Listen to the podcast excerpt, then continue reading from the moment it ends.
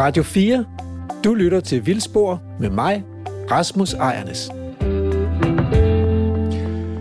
Og i dagens program øh, skal det handle om øh, får, og øh, det skal være en dialogkaffe, og det, det kræver ligesom en begrundelse. Så da jeg startede som forsker på universitetet, øh, så det, det var jo vel allerede sådan set i specialet, øh, som endte med lidt af et forskningsprojekt om overdrev, eller det som jeg så kalder græsland i dag. Øhm, og der arbejdede jeg jo med biodiversiteten i sådan nogle græssede økosystemer, og det jeg opdagede, det var, at, at de er rimelig forbandede, øh, sådan nogle græsningssystemer i Danmark, fordi øh, at er sådan en, en, øh, øh, øh, en ond situation, fordi at de græsne dyr er blevet trukket tilbage fra landskabet. Så mange af de allerfineste græslandslokaliteter med den smukkeste flora og de mest fantastiske sommerfugle, de er jo bare groet til, fordi de græsne dyr er forsvundet. De er forsvundet af mange årsager, men for eksempel fordi folk har bygget sommerhuse ude ved kysterne, og så er, har det ikke givet mening længere at have de der græsne dyr øh, på, øh, på kystskrænterne. Øh, så så er de groet til med tjørn og slåen og sådan noget. Mm. Og derfor så har jeg tænkt jeg jo dengang, at der skal simpelthen bare være nogle dyr, og hvad det lige er for nogle dyr, om det er får eller geder eller hest eller køer, det betyder ikke så meget. Øh, og jeg har også studeret fine, artsrige lokaliteter med foregræsning. Men det er så lige her, at jeg er blevet klogere, fordi øh, jeg har så siden fået kolleger, der arbejder med insekter, som har været meget kritiske over for græsning, og især over for foregræsning. Så, så jeg har måttet lære øh, æde i mig, at forne de æder altså blomsterne på de bredbladede urter først, eller, og æder græsset sidst. Og derfor ender foregræsning tit med sådan nogle ret ensformige øh, nedgræssede naturområder, som er ret domineret af græs, og hvor der ikke er så mange bredbladet urter. Øh, og det er altså i et omfang, hvor forne sådan set er blevet lagt noget for had blandt naturforvaltere og blandt de øh, feltsbiologer, jeg kender, især dem, der arbejder med sommerfugle eller vilde bier eller den slags. De er blevet lagt så meget for had, at, øh, at dem, der arbejder sådan seriøst med foregræsning som naturpleje, de, øh, de føler sig uretfærdigt udskilt. Så forhørten har simpelthen øh, kontaktet mig her på Vildsborg øh, og ønsket, at vi kom ud og, og, og så, hvad det var, de lavede, og så de ligesom kunne få lov til at, at tage lidt til genmæle. De ønskede oprejsning. Altså, de synes, de laver god naturpleje, og det vil de gerne vise os. Så var det, jeg tænkte, vi laver en dialogkaffe. Det her, det lugter af dialogkaffe. Og, øh, og så har jeg simpelthen overtalt Emil. han, altså, han er blevet sendt ud på den her mission for at møde biolog Lars Brun og øh, forhyrderne Gege og Berit fra en forening, der hedder For til kanten. Øh, det var dem, der skrev, at nu vil de gerne vise, hvad de kunne. Øh, og den her tur øh, i dag, den går så til Tihøje mellem Herning og Ulfborg. Øhm, og, og der skal de så ud og se på, hvordan, hvordan laver man øh, forgræsning på en måde, hvor man øh, kan fremme naturen og biodiversiteten og tage de nødvendige hensyn. Og, ja, og Lars Brun han er med, fordi øh, han er biolog i Syddjurs Kommune og har set på enormt mange forskellige græsningsøkosystemer og gjort sig utrolig mange tanker om, hvad der fungerer og hvad der ikke fungerer, hvis man hvis man skal tage hensyn til alle de mange forskellige organismer, som lever ude i sådan nogle græssede landskaber. Ikke? Der er jo både mos og laver og bier og sommerfugle og karplanter. Og Lars har jo faktisk været med i Vildspor et par gange, øh, hvor han har fortalt om grusgravenes øh, natur og om de vilde bier øh, øh, og deres særlige levesteder. Alle de mange forskellige vilde bier, som både kræver gode steder at bygge deres rede, men som også kræver, at der er rigelige blomster med nektar og pollen, hvor de kan, kan samle den føde, som de lever af. Og det skal jo nogle gange være nogle helt bestemte blomster. De er super kredsende, mange af de her bier. Og et, reportagen her og dialogkaffen, den foregår altså ude på hederne, øh, sammen med forhyrterne. og vi må jo se, det er jo ikke pointen med sådan en reportage, eller sådan en, vild, en, en, en vildsporsdialogkaffe, at man nødvendigvis skal blive enige, øh, men vi håber, at, at det bliver tydeligt, hvor i uenighederne består, øh, og at alle kan komme til ord og få lov til at komme med deres allerbedste argumenter. Og så i anden time, der vender vi lige tilbage til studiet og evaluerer, hvordan fungerer den her dialogkaffe så. Og vi skal også have øh, en øh, boganbefaling, ligesom i de foregående uger. Så God fornøjelse med dialogkaffen. Jeg håber, at stemningen bliver rigtig god. Det er mig, der er Emil Skovgaard Brandtoft, og lige nu er du på reportage i Vildsborg på Radio 4.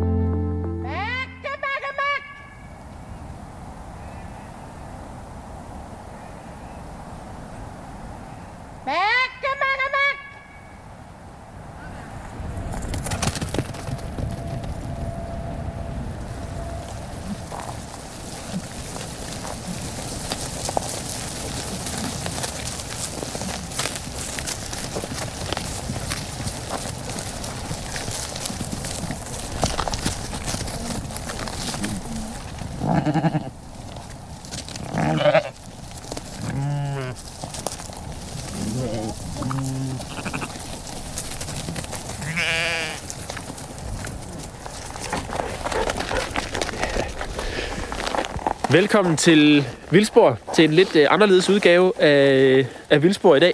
Øh, vi er taget en tur til Vestjylland. Vi står ved noget, der hedder Tihøje, herude på det vestjyske hedelandskab. Og øh, vi skal i gang med en omgang øh, dialogkaffe. Vi skal, vi skal grave lidt ned i, hvad er det, de her får kan, øh, de kære får i naturplejen.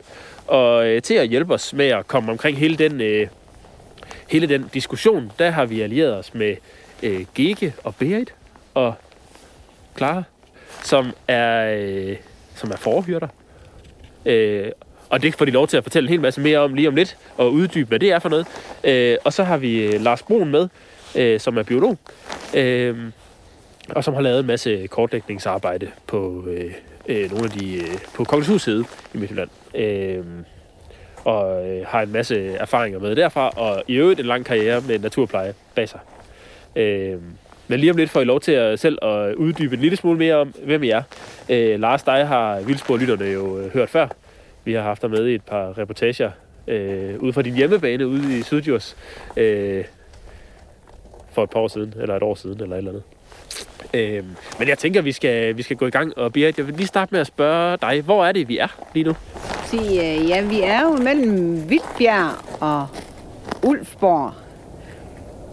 Så midt, midt Vestjylland, altså ude bag ved Herning, kan man sige. Ja. Og, og det er jo dig, der har øh, foreslået, at vi skal mødes her ved, ved, ved Tihøje. Øh, hvorfor skulle vi starte her? Altså, jeg kan jo godt lide, at vi viser det frem, vi har herude. Øh, og det er jo, Tihøje er jo Vestjyllands højeste bjerg. Så det synes jeg, vi skulle gå op og se udsigten fra, fordi det er ret imponerende, synes vi selv herude. Vi skal være stolte af det, vi har. Det kan være lidt svært at finde, fordi at, øh, der ikke er sådan store skilte og parkeringspladser og sådan noget. Men sådan er det herude i Vestjylland. Vi har ikke så, der er ikke så mange mennesker. Men øh, vi ved, det er her. Jamen, øh, skal vi ikke øh, stille og roligt gå derop af? Og så øh, skal jeg måske lige sige til lytterne, at hvis I kan høre noget, der, øh, der lyder som øh, noget, der ikke er et menneske, så er det nok øh, øh, den hund, vi har med på slæb. Sådan en, øh, en rigtig forhyrte går jo ikke nogen steder uden sin hund. Så den har vi også med. Når vi se sig om.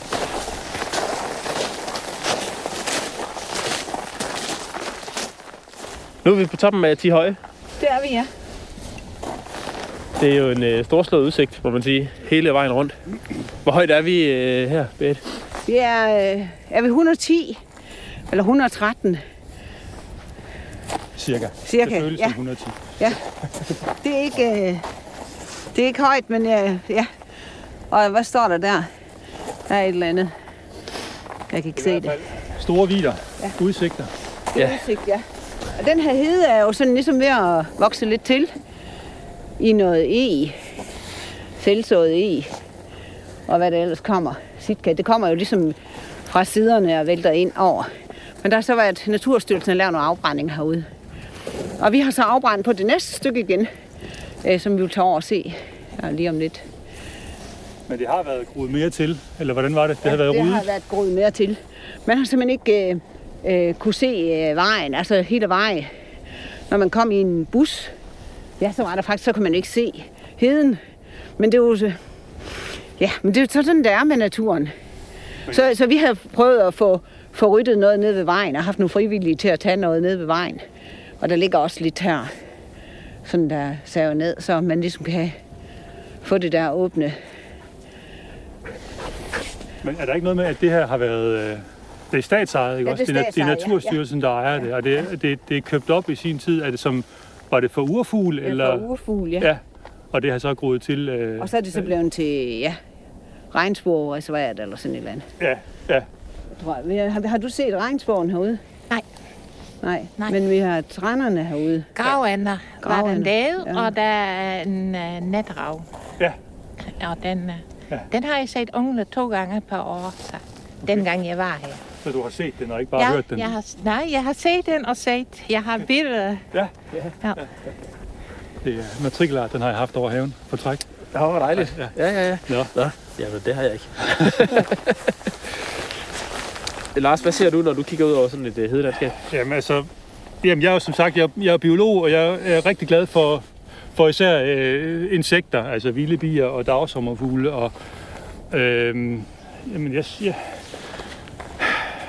jeg, ser, jeg ser et kæmpe stort potentiale i virkeligheden, øh, for at det kunne være meget mere artsrigt, end det i virkeligheden er. Det vi ser på, det, det er jo mange, mange hektar med, med hedelyng og hedelyng og hedelyng og hedelyng, øh, som, som over ret store flader har, har samme alder, samme størrelse. Og så er der flader, hvor der er mere græs, og så øh, det skifter sådan lidt mellem monotone flader af græs og monotone flader af, af hedelyng.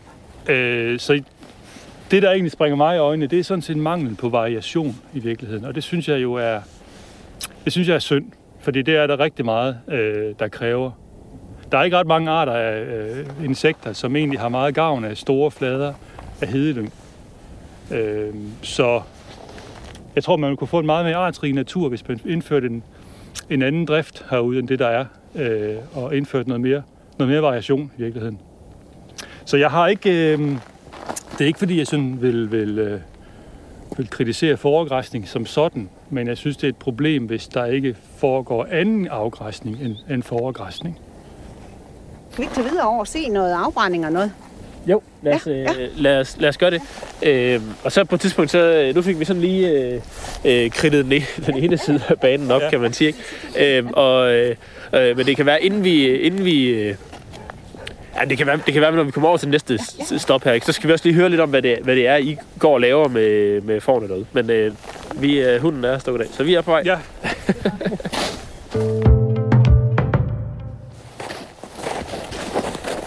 Det her, øh, det er så en privat mand. Øh, han har 40 hektar eller 50 hektar eller sådan noget. Og det går ned til de der træer der. Og så der er sådan nogle røde pæle. Og så øh, rundt her. Og så er der et vandhul dernede. Og så er der øh, over til... Ja, han har hede, sådan en hede parcel. Han har arvet efter sin far. Og han ringer så til mig for syv år siden og spørger efter, om ikke vi kan gøre noget ved hans hede. Øh, og jeg tænker, at jeg går ud og kigger på det. Og det er lortelyng, gammel død, græs og blåtop op i knæhøjde. Øh, og hvad gør vi? Vi vil jo gerne have noget af det der væk. Alt det der, ligesom, alt det der døde vegetation, det bare sådan en måtte, der ligger sådan en førnelag, eller hvad man kalder det, jeg ved ikke, ja. hvad I kalder det. Øhm, og så gør vi egentlig det, at øh, vi søger nogle penge hjem til det ved den danske naturfond, og får dem lidt interesseret i det.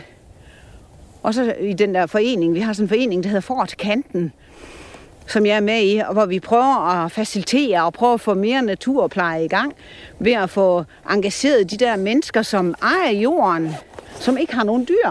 Fordi det er jo egentlig dyrene, der er med til at skabe en diversitet på den gode måde. Men, men fordi det her, det var jo sådan noget knæhøjt noget, du kunne jo ikke engang lukke en ko herud, eller noget, der var jo ikke fugls føde. Så tænker jeg så, nej, men vi søger nogle penge til at brænde det af. Og så får vi så ligesom, det er derfor, at I kan se, øh, at der er træer, der simpelthen er gået ud øh, i det. Og det var sådan noget, øh, hvad kalder vi det, bjergfyr, og noget sitka der, noget sitka der, og sådan noget. Og så får vi simpelthen, begynder vi så at brænde lidt ind i det, og det brændte så ikke første gang, vi prøvede, fordi der var simpelthen for vådt. Så vi fik lavet sådan nogle tunger og sådan noget ind i det. Og så næste gang, vi prøvede, så fik vi brændt lidt mere, og fik øh, godt væk af træerne. Men alligevel skærme nogle af træerne, så at øh, det ikke var det hele, der brændte. Og vi fik også skærme nogle enebærbuske længere nede, og sådan, altså så vi, med, og det kan vi så gøre med, med traktor, at man ligesom havde slået lidt, og så lave nogle brandlinjer, så at vi kunne styre afbrændingen. Og det der med at stå og brænde lyng af, det er magisk. Hvis I ikke har prøvet det. Så, Lars, hvad siger du? Jeg bliver bange nu her, når, når folk som Ej, I skal være med til magisk, det. når de står til Det hvilke er ting. magisk at, at, at have styr på ilden, og så lade være med at brænde i sådan nogle store områder, men sørge for at lave nogle mosaikker og nogle brandlinjer og nogle kanter. Og det er noget, vi har lært af Mons Kvamme, som bor i Bergen og er tilknyttet Lynghedcenter op i, i nord for Bergen, hvor de har sådan et aktivt sted, hvor de arbejder med at bevare kundskaben om at holde hederne i live. Og ham har vi arbejdet sammen med siden 2009, for at få i gang det der med at brænde lyngen på, på gammel vis med menneskekraft, altså med at lave brandlinjer og med at lave nogle små mosaikker. For det siger sig selv, at der, hvor du kan skabe en diversitet imellem det høje og det lave, det er jo ved at have de der kanter. Og her kan vi også se kanterne i landskabet. Det jeg godt kan lide, det er, når vi ligesom går ind over, at vi simpelthen kan se, at her har gået mennesker, og her har kørt mennesker, og her er nogle veje, og her er noget. Prøv at se her. Og det kommer simpelthen frem, når vi brænder. At vi får sådan nogle... Øh...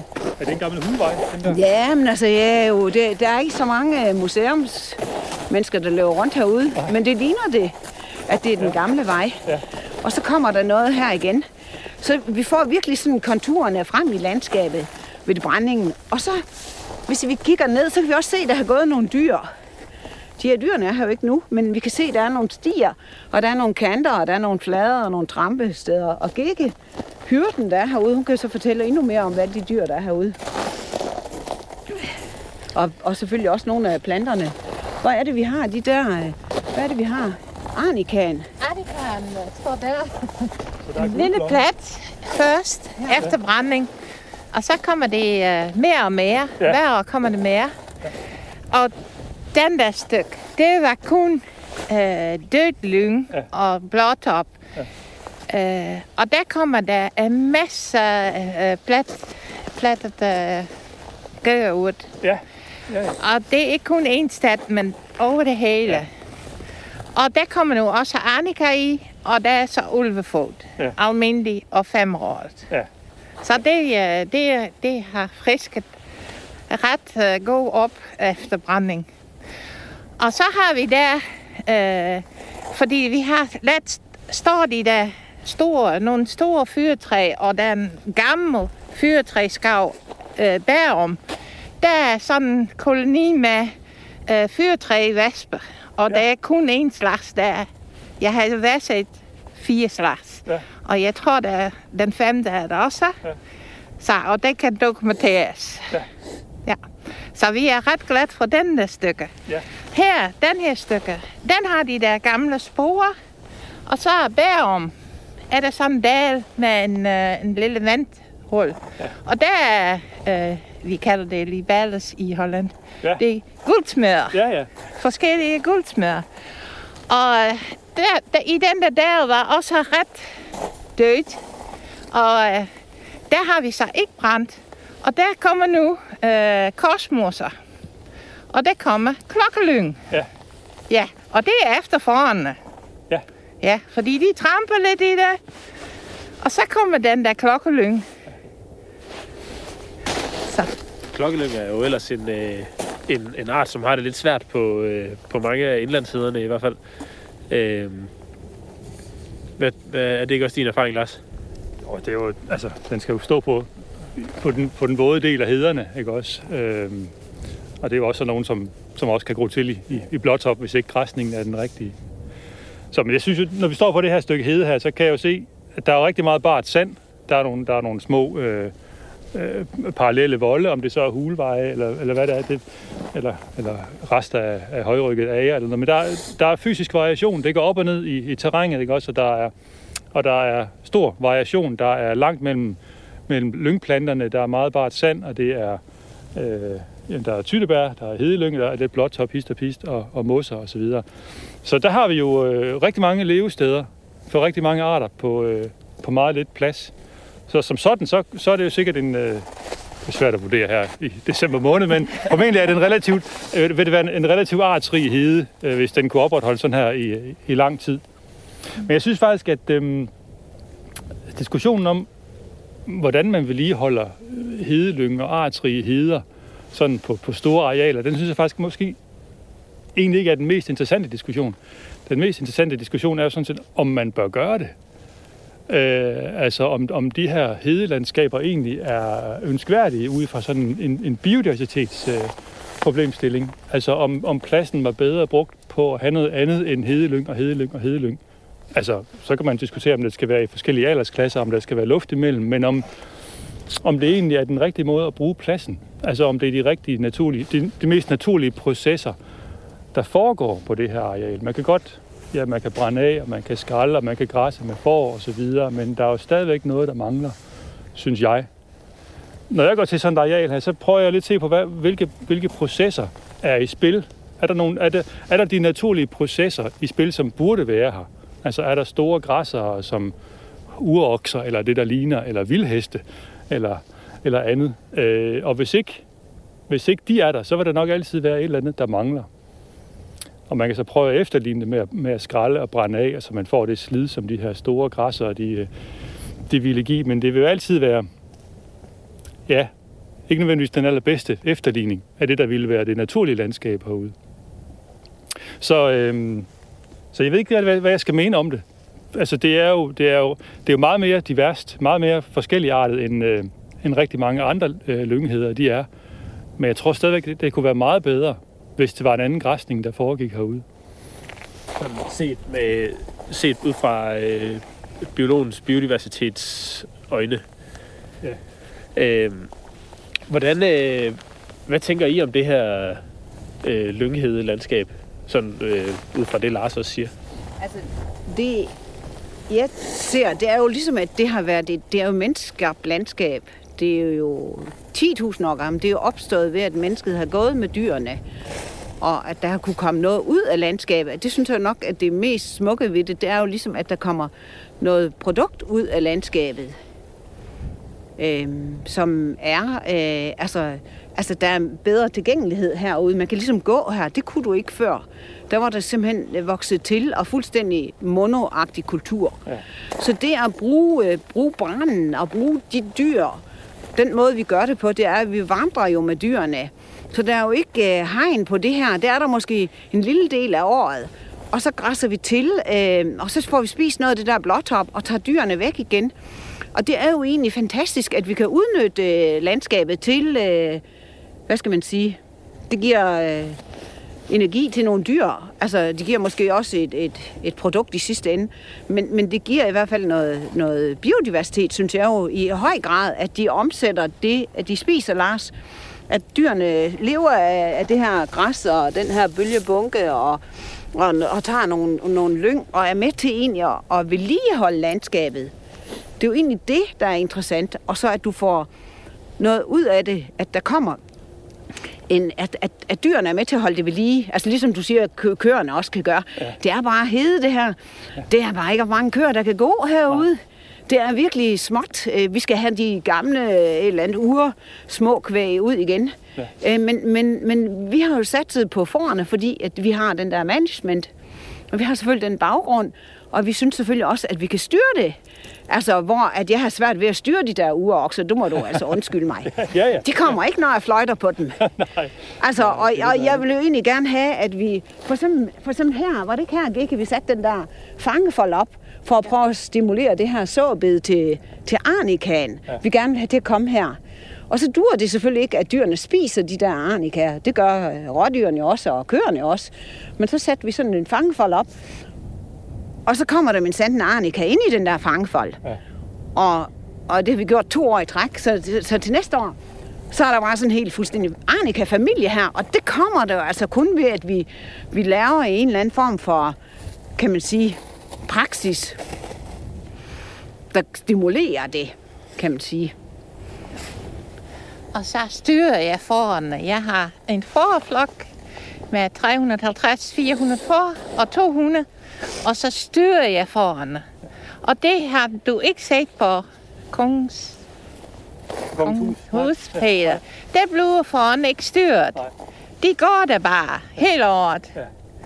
Og, men jeg kommer med flokken, og jeg styrer for, hvor der står de der plattet gøgeurt. Der kommer jeg ikke. Og når der står to, så står jeg ovenpå det. Med stokken. Her må du ikke spise. Jamen, vi har stykker, hvor det ikke er. Og så kommer der måske to små blender, ikke også? Så skal man passe på det, fordi det er her små frimærker. Ja. Men vi er så glade for det. Ja. Og vi synes, det skal bevares. Absolut.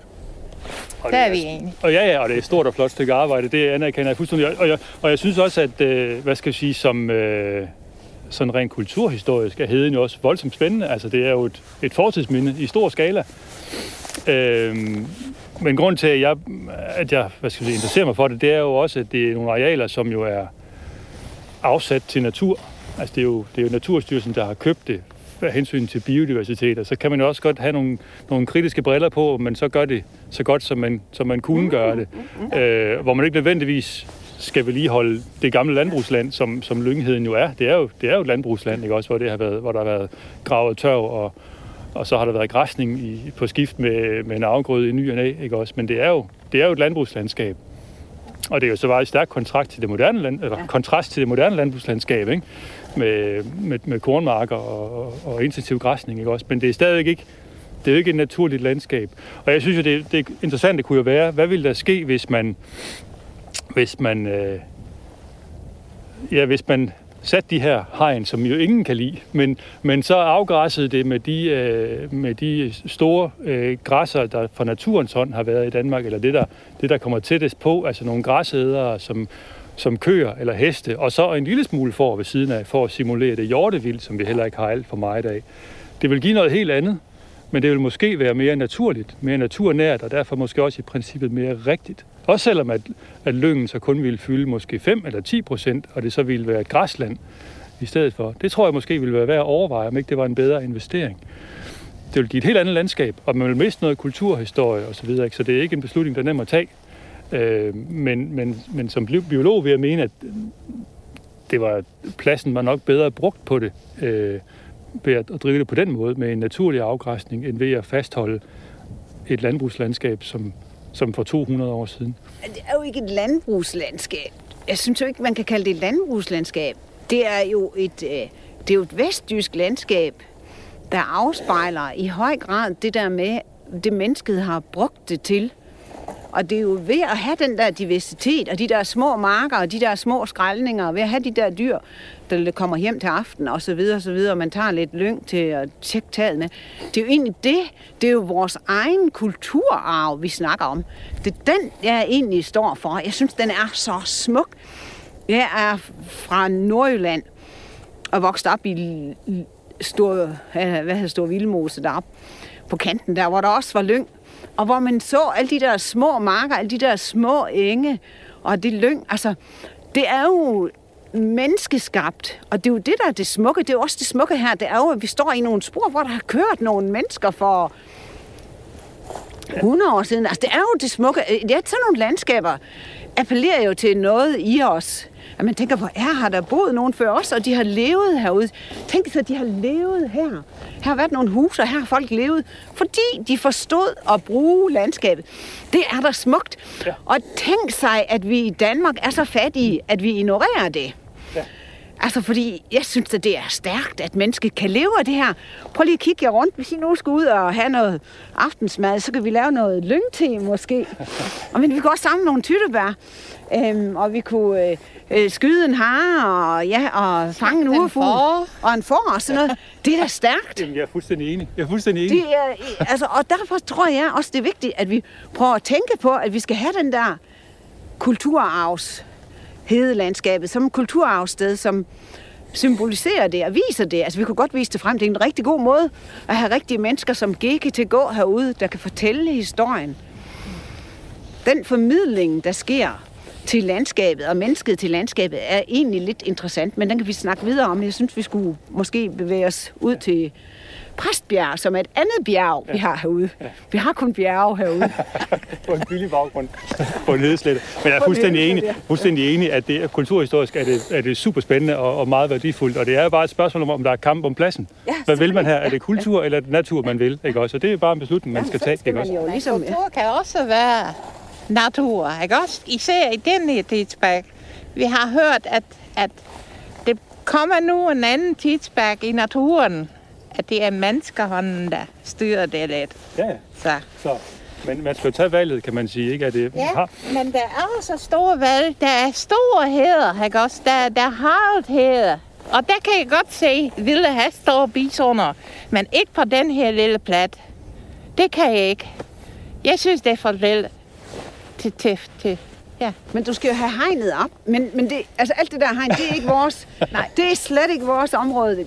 Glem det der hegn, fordi lige snart du begynder at lave hegn, så begynder mennesket jo at lave noget impact. Ja. Øhm, men, men det at slippe dyrene fri, vi er fuldstændig enige. Ja, selvfølgelig skal vi bare have for og geder til at gå frit. Det giver fuldstændig god mening at prøve at lære at lave de der opsætninger. Det er da hi- historisk rigtigt, og det er jo, det har mennesket jo altid haft, de der husdyr. Så snakker vi lidt om, Og mig, hvor, hvor vigtigt det er, at man har den der kontakt til de der dyr. Mm. Altså, og hvordan vores øh, verden er blevet skærmbiologer. Altså folk, der sidder bag ved skærme og skal styre det hele. Men, men, men, men altså, det er jo egentlig vigtigt, mere vigtigt, at vi, vi har den der kontakt til nogle, nogle dyr, altså, som ligesom er med til at påvirke landskabet, som vi så kan lave en, en eller anden form for management med, eller naturnær græsning. Det er jo ret interessant, hvis man kan få sådan noget til at køre. Ja, det er jo grænsen mellem, hvad der er landbrug og hvad der er naturpleje, og hvad der egentlig er, at man øh, hvad hedder sådan noget, gør naturen færdig ved at sætte nogle dyr ud, som der mangler. Ikke også? Og hvis man, hvis man, jo mere man styrer de her dyr, jo mere man øh, fodrer dem, eller de er forædlet, jo mere er det landbrug, og jo vildere de dyr, de, de har det, øh, jo mere er det jo bare naturen, som man, som man færdiggør, så at sige, ikke ved at tilsætte de dyr, der mangler. Men det er jo selvfølgelig, det er jo en glidende overgang. Altså det Så. forerne kan, det man kan sige, de kan jo leve af det her lyng her. Ja. Altså det er jo det gode ved dem, altså også om vinteren. Vores øh, udfordring er så at få brændt nok af, altså at få nok, øh, altså vi snakker om, hvad mange procent snakker vi om, i forhold til det vi græsser. Øh, Så skal vi jo have brændt en vis procentsats hver år, for ligesom at have en fornyelse, hvis vi skal forny det over 10 år eller 15 år. Så vi ligesom laver de der mosaikker, og prøver at lave de der stribeafgræsninger, og prøver at lave små øh, felter, som simpelthen gør, at vi kan få, få det brændt. Og der er så få dage om året, vi kan lave de der afbrændinger. Øh, på grund af ja, vejr og vind. Altså, du kan ikke brænde i... Jeg har regnvejr, selvfølgelig, det siger sig selv. Og hvis det blæser mere end 5 meter per sekund, så kan du heller ikke brænde af. Og ja, så videre så. Måske ligesom... Øh, gør det, ja. Altså, man skal jo have ud og have gør det. Vi skal have folk til det også. Og have det gjort. Og, og, og det ville være fuldstændig genialt at få lavet det der, at der kan blive mad til dyrene om vinteren. Fordi det er jo en af de største udfordringer med de der dyr, der skal græsse ud. Det kan vi jo se på den debat, der har været, og Facebook og alt det der. Og avisartikler, og hvem der anklager hvem. Det er jo, at dyrene skal kunne leve derude om vinteren, fordi det er jo der udfordringen er. Det er jo, om sommeren er der masser af græs, og der vokser det stort set op og til i, i meter høj blåtop. Men det er jo det andet, vi egentlig gerne vil have. Vi vil jo egentlig gerne have stimuleret, at der er en, øh, noget lyng til de der dyr. Og hvis I kigger på det her lyng her, så kan man jo også se, at det er bit af dyr. Men, men vi må ikke spise det hele. Det skal ikke være sådan lavt. Det må også gerne være noget højt og lavt og, og blandet. Men det, det kan forerne og gederne. De kan leve af sådan noget om vinteren også. Men, øh, men vi har bare ikke øh, nok til dem om vinteren. Vi har simpelthen ikke nok areal. Så det vil sige, så er det jo heller ikke nok til nogle urokser eller det- nogle køer. Jo, altså... Du ved, nu Det, det er du, der jo at ikke. der ikke er, altså, at hvis der ikke er til areal nok. forerne, så er der jo ikke til urokserne. Det er der ikke. Eller også er der for mange dyr. Jamen, Ikke jamen, altså, det, Det, det kan man jo- også vælge at det- sige, at hvis altså, man har så, så, ma- så mange hektar, så er der mad til hele året til så og så mange dyr. Så kan man jo Det skal man så ligesom have regnet på, Ja, det der, hvor meget det kan bære. Altså, det hedder bæreevne. Ja, lige præcis. Ja, ja, fordi du skal jo ligesom kunne, kunne balancere. Ja. Fordi det visne blåtop, det er der jo ikke rigtig nogen dyr, der kan leve af på det her tidspunkt her. Øh, og så er der noget fyrenål og sådan noget. Men man kan også kigge på træerne, de er jo også stammet op. Altså, altså, et, et, altså, at dyrene tager jo det, de kan nå, kan man sige. Men må jeg spørge, nu, øh, nu er vi fuldstændig enige om det der, det rent kulturhistoriske, at, at der er, det er en stor, øh, stor fortælling om det her med, at man kan stå og se hulveje, og, og at det har været, ja, nu kalder jeg det landbrug før, det var du ikke meget for, men det, det er jo, man har udnyttet det, ikke også? Og så har man, der har været afgrøder en gang imellem, og så har man jo så gravet tørv af og, og høstet foder og så videre, ikke? Så, så det er jo, jeg synes stadig godt, man kan kalde det landbrug, fordi man bruger landet. Det, det er menneskeskabt, ikke også? Og det, det, er jo, det er jo en, en fin fortælling. Men hvis nu man, man prøver at se det, øh, gå en tand længere tilbage, dengang at der var de her store vilde græsser, at der var urokser, og der var vilde heste, øh, og hjortevildt, og ikke, og ikke får, så havde det jo set anderledes ud. Altså, hvad vil du sige til, hvis, hvis den lige pludselig blev forvandlet til, til noget, der var, der var præget af store græsæder og, og ikke, øh, og ikke, og ikke får? Som siger, altså, hvis nu, siger du, det er lige stor. Men det har vi ikke her. Ikke, ikke her. Vi har ikke store arealer. Nej, store græsheder, store, ja. store dyr, altså store heste. store, ja. Hest, Ikke, Ja. Vi har ikke store arealer her, så det går du. Vi har kun frimærker her. hvor stort er det areal, vi står på Det er her? så 40 hektar. 200, det er 40 hektar, det her. Det her, og så er det 200, det der over ved Så- Naturstyrelsen, ja. Ja, så to- 200 hektar. Havde det været et overdrev, som vi har på Mols, mm. så, så, så kan der være en hest, sådan cirka per, per 3 hektar. Vi er nok lidt lavere, ikke også? Noget lavere her. Ja. Men, men, øh, men der vil da stadigvæk kunne være en meningsfuld flok af, af køer eller heste, eller en blanding i ligefrem. Øh, Jamen, skal jo have lidt af hvert med. Altså, det er jo godt at have noget skov med, og have noget Ja, ja, ja. ja. græsstepper Ja, med. og, absolut, ja, absolut. Ja, ja, helt sikkert. Ja. Ja. Altså, men men det, jo, det kunne jo også, altså, det kunne jo være, du, du, du kommer jo over i de der hegn igen. Ja. Altså, at du skal styre det. Ja. Altså, det, det interessante ville jo være, at dyrene var frit. Altså, Absolut, absolut. absolut. Det er jo Ja. mit, altså, det, det, fordi, hvorfor skal vi have de der hegn? Altså, der er jo ingen, der vil have de der hegn. Altså, det begrænser jo ligesom mennesket. Øh, altså, og det bliver jo parklignende, zoologisk have-agtige, dyrepark-agtige i de der... Altså, øh, og hvad er det for nogle hegn, vi skal Men skal vi ikke køre over og se øh, næste... Øv! Altså, der er mulighed, måske, måske ikke lige her, men nogle andre steder, tænker jeg, altså, med de der, altså, hvor du har blandet, altså, Ja. blandingen. Men nu siger det der med, øh, med zoologisk have, altså det behøver jo ikke at være, at være hårdt græsset, altså som, som dyrehaven for eksempel. Og det behøver altså det kan jo sagtens fremstå mindre styret, mindre menneskepåvirket, øh, mindre kunstigt, end det vi står i lige nu. Og der er jo heller ikke nødvendigvis noget forkert i, at det er styret af mennesker med retning i ret, altså med formål om, om, om, øh, om en rig natur, altså om biodiversitet, fordi man gør det med, med heste eller køer. Altså det her, det er jo også styret Ja, i ja, retning ja, af- ja, altså det er jo så- ligesom en, en, øh, en øh, altså det er jo for at få de der, altså vi får en, vi får noget ud af det her, vi får en arbejdsplads også, Ja, altså, altså vi får noget ud af det. Men dagsordenen er jo bare afgørende. Det er også hvad det, man vil opnå, ikke? Alright. Vi hopper i øh, bilerne igen og kører videre til næste stop.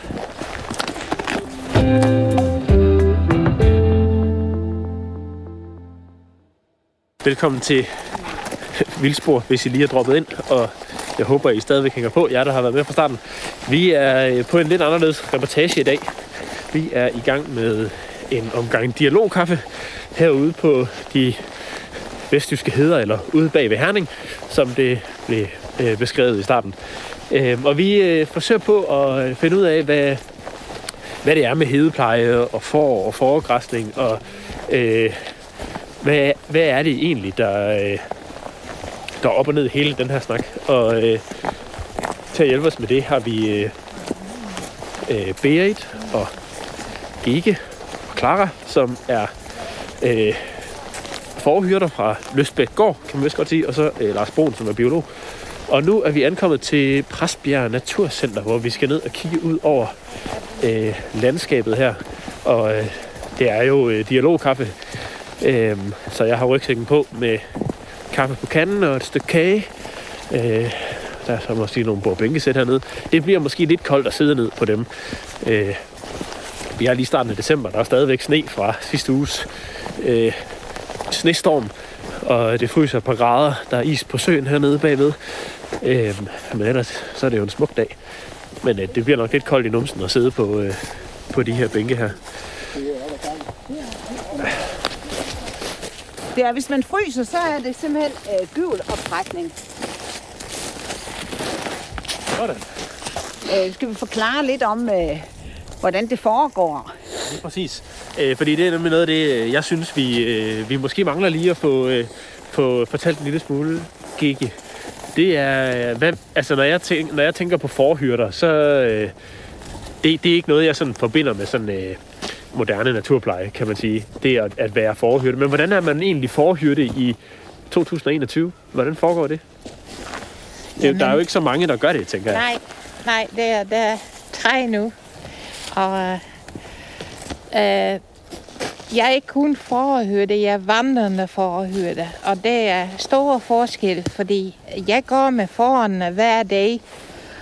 Og øh, så går forerne ikke i hegnet, her også? De går frit, og, eller frit. Jeg styrer det med to hunde, to border collies.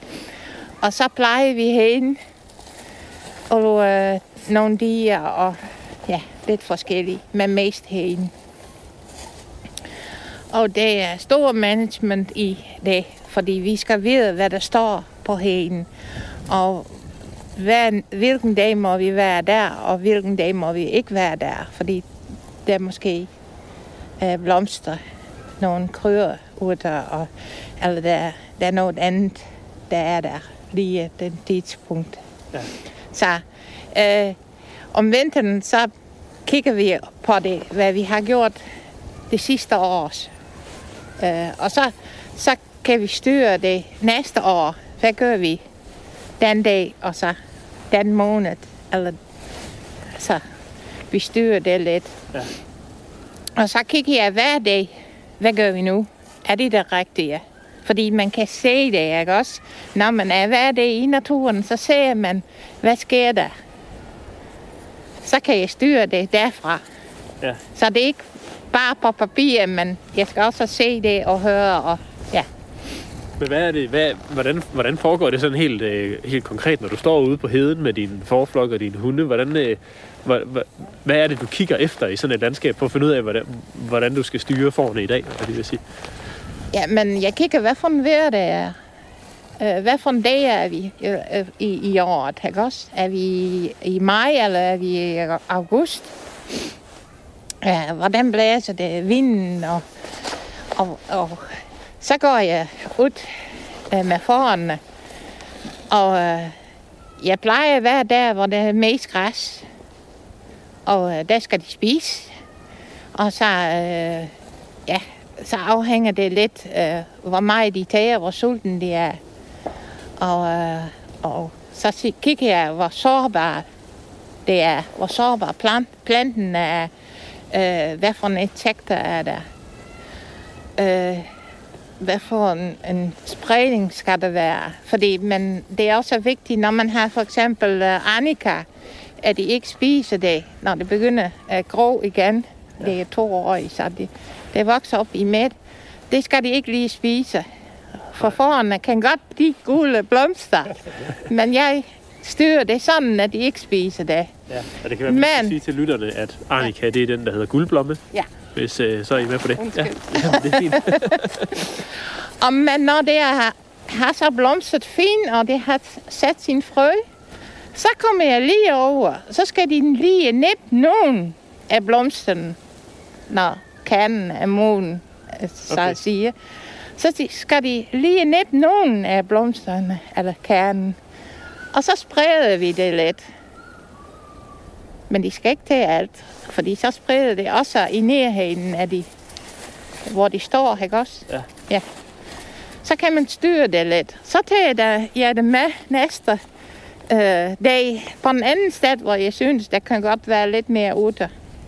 Og så skider de der, og så forhåbentlig sidder der nogle kerner, der er, ja, at de kan spire. Ja, ja så det, øh, det er også sådan helt... Øh, ja, så, øh, så Altså få spredningen ja. igennem formaven og ud bagtil. Ja. ja. Så man skal også være lidt biolog. Man er, man er ikke kun, øh, kun forhørte mere.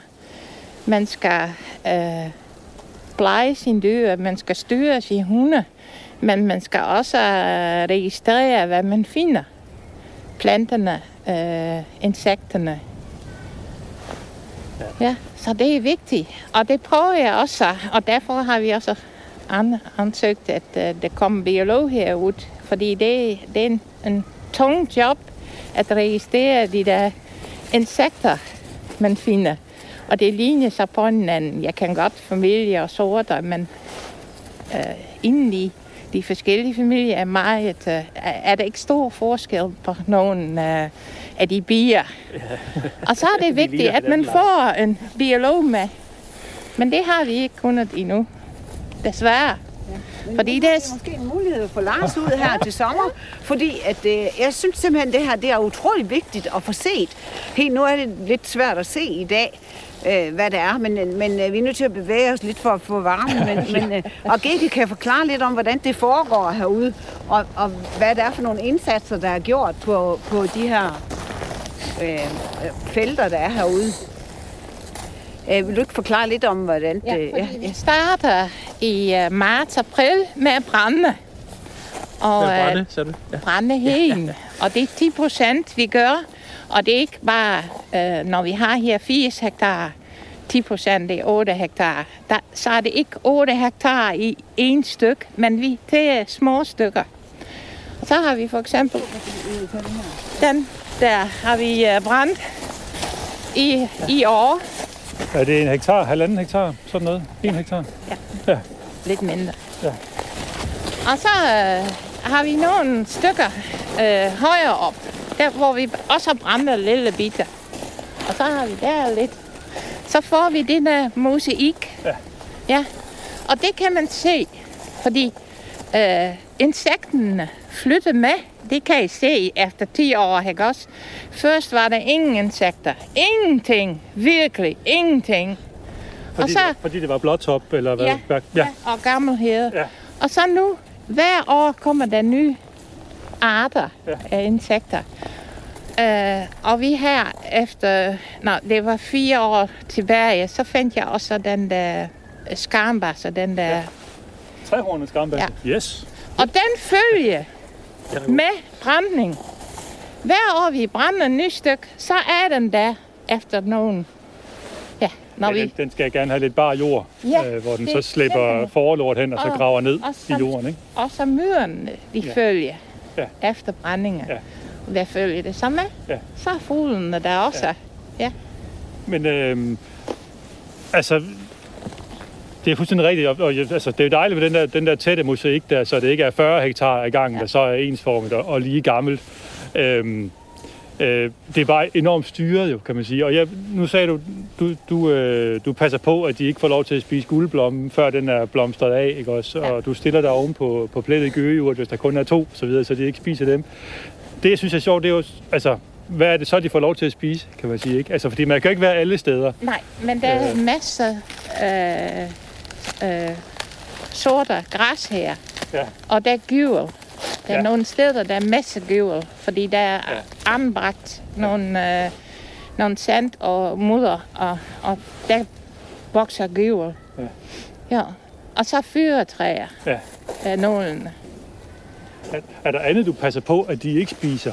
Sådan noget som, som visse, eller hvad der ellers måtte være af, Jo, af blomsterplanter? jo og- der, er, der... der er masser af krydderurter, hvor ja. jeg ikke kommer, og vi har nogle, øh, nogle øh, enger, Ja, vi bruger som øh, nattefolk, for de skal, om natten skal de være et sted. Nå.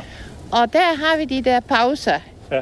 Så når jeg kan se, jamen nu kommer de der blå blomster. Ja. Vi har en blå blomstret øh, eng, og vi har en gul blomstret eng. Så når jeg kan se, nu kommer de, Ja. så får den der mark, eller den eng, en pause. Og så har vi sådan en skøn øh, samarbejde med en landmand her, der har øh, frigående grise. Ja. Der har de lige kørt forbi. Og øh, der har vi sådan rigtig god samarbejde med, at vi kan bruge nogle marker som nattefolk. Ja. Så de der enger får en pause. Ja. Og så har han nogle, vi bruger som fastfold. Og der kommer nu også blomster. Så, så Ja. får de en anden mark igen, Ja. så kan den også få en pause. Ja. Så vi gør rigtig meget at få urter og blomster ind. stort Ja. arbejde. Men det går fint. Ja. Øh, skal vi have en kop kaffe? Ja, Tak. Tænker vi, er vi ikke nået til det? Øh, jeg synes i hvert fald, øh, skal vi bare øh, skal vi gøre det her? Ja, Eller det er et sted, hvor der er læ, eller sådan. Der kan være, der er læ længere op. Ja, lidt lidt mellem træerne måske? ja det kan godt være, der er fint her. Ja. Det er så fint nok at blive i. Selvom vi er i december. så- Ja, vi kan efter op.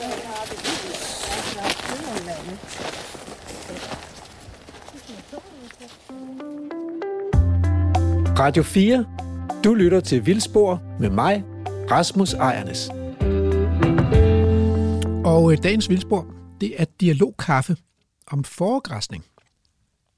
Og øh, for at blive klogere på det, så har vi samlet øh, en, øh, nogle tilhængere af forgræsning, nogle vaskeægte forhyrter, øh, som arbejder med at græsse, øh, forgræsse nogle heder, og så har vi en biolog, Lars Dyrberg Brun, som kommer fra som har erfaring som øh, kommunalbiolog i rigtig mange år, og er kommet rigtig meget ude i den vilde natur. Og han er ikke særlig glad for får, og mener, at man skal bruge nogle andre dyr, hvis man vil have en god naturpleje. Og øh, efter reportagen, så tager vi en snak om dialogkaffen og om fordele og ulemper vi får her i studiet. Og, øh, og så kommer ugens boganbefaling også, så hæng på.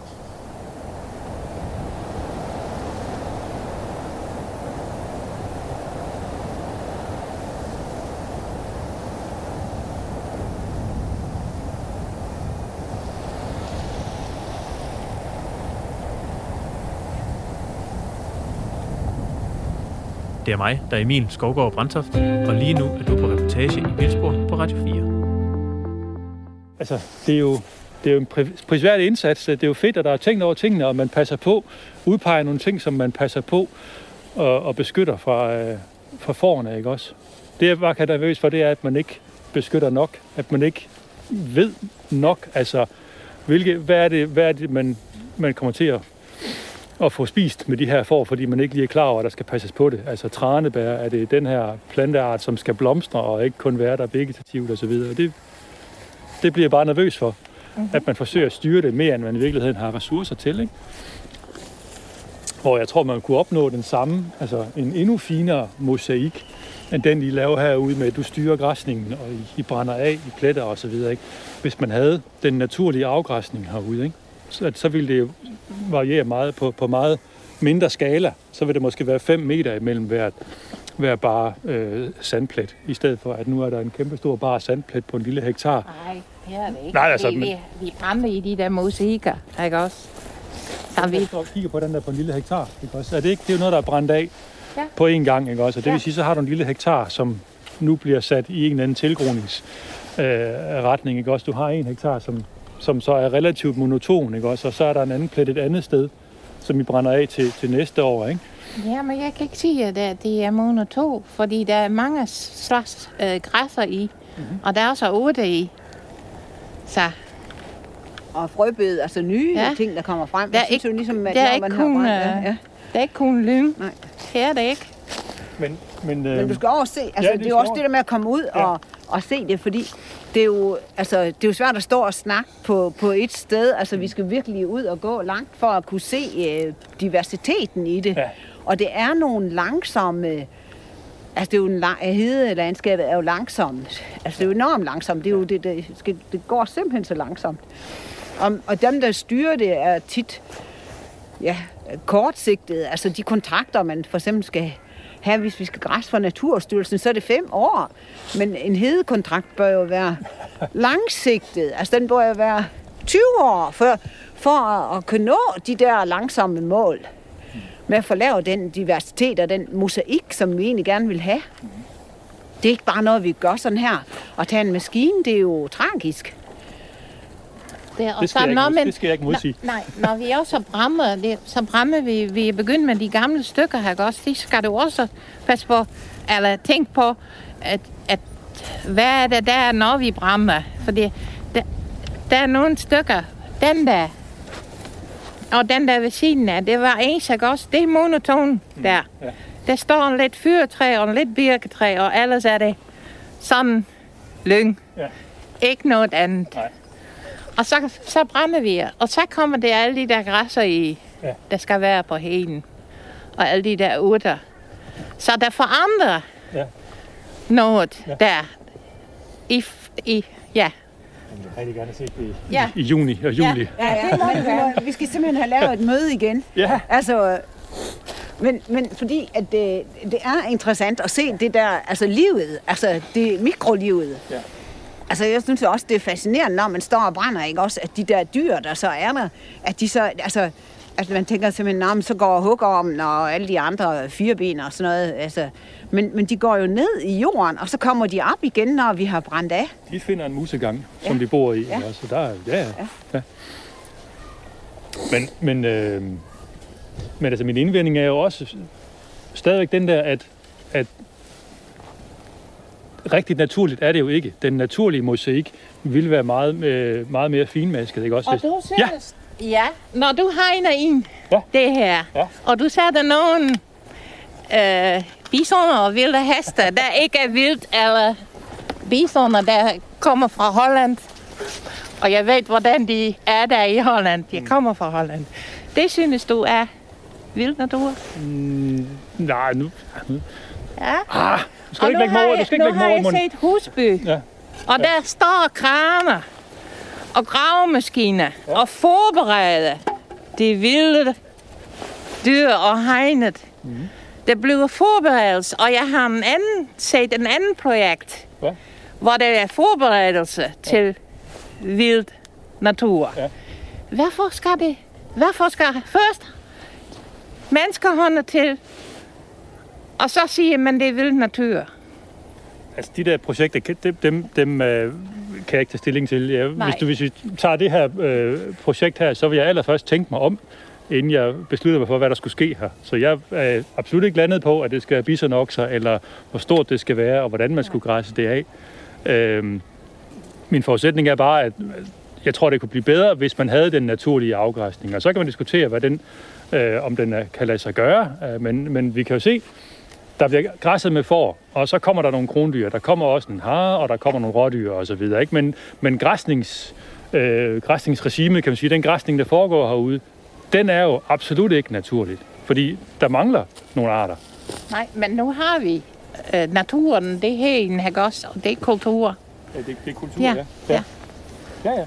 Så, så når du sætter nogle vilde heste i, eller de der bisonokser, eller nogle andre slags, Ja.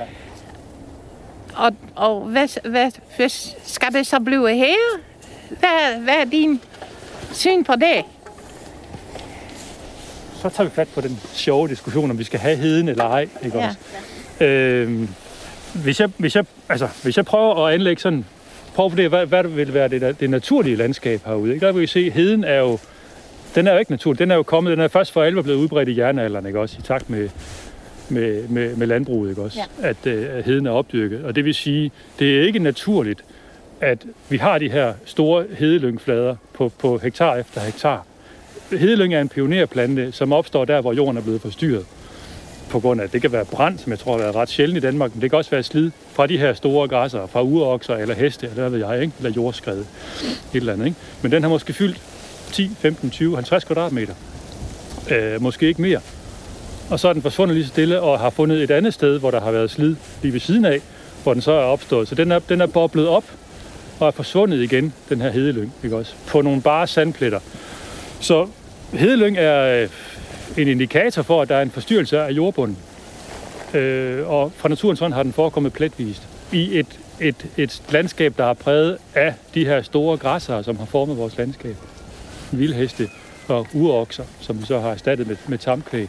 Og fair nok, er det natur? Nej, det er jo selvfølgelig øh, et kontinuum, ikke også? Det er jo, det er jo definitionsspørgsmål, ikke også? Hvornår er det ikke længere natur? Men vi kan gøre det, der, der ligner bedst muligt, ikke også? Og der er den her hedepleje med afskraldning og brand, og så, og så enormt styret foregræsning, den er i mine øjne længere fra det naturlige, end det vil være med et hegn og så nogle store vilde græsser, øh, som, som øh, vilde heste eller nogle robuste øh, kreaturer. Nu har vi set, at de små stykker her, hvor der kommer køer på, mm. eller heste, mm. de bliver skov igen. Og det synes du er en god idé, så? Jeg synes, øh, det der helt åbne, træløse landskab er jo heller ikke naturligt. Nej, men det har vi heller ikke her. Der er Nej, nej. træer i. Men nu, altså, jeg har ikke set de der arealer, du siger, der bliver til skov. Jeg vil også sige, at øh, nu siger jeg øh, urokser og vildheste, der mangler stadigvæk de der endnu større græsser, som også har kunne bekæmpe træer i en anden grad, end de her øh, har kunnet. Ikke? Så, Det er mennesket, ja, ja, ja, det er mennesket, der bekæmper træerne. ja, man kan sige, jamen det er rent, hvis man, hvis man, græsser, hvis man, hvis man skal græsse træer ned, og forhindre med græsning, at træer kommer op, så skal der græsses rigtig, rigtig hårdt. Ikke også? Så, så græsning alene med, med heste og køer, det vil også give nogle træer og nogle buske, som, der ikke, øh, som ikke ville have den samme udbredelse før.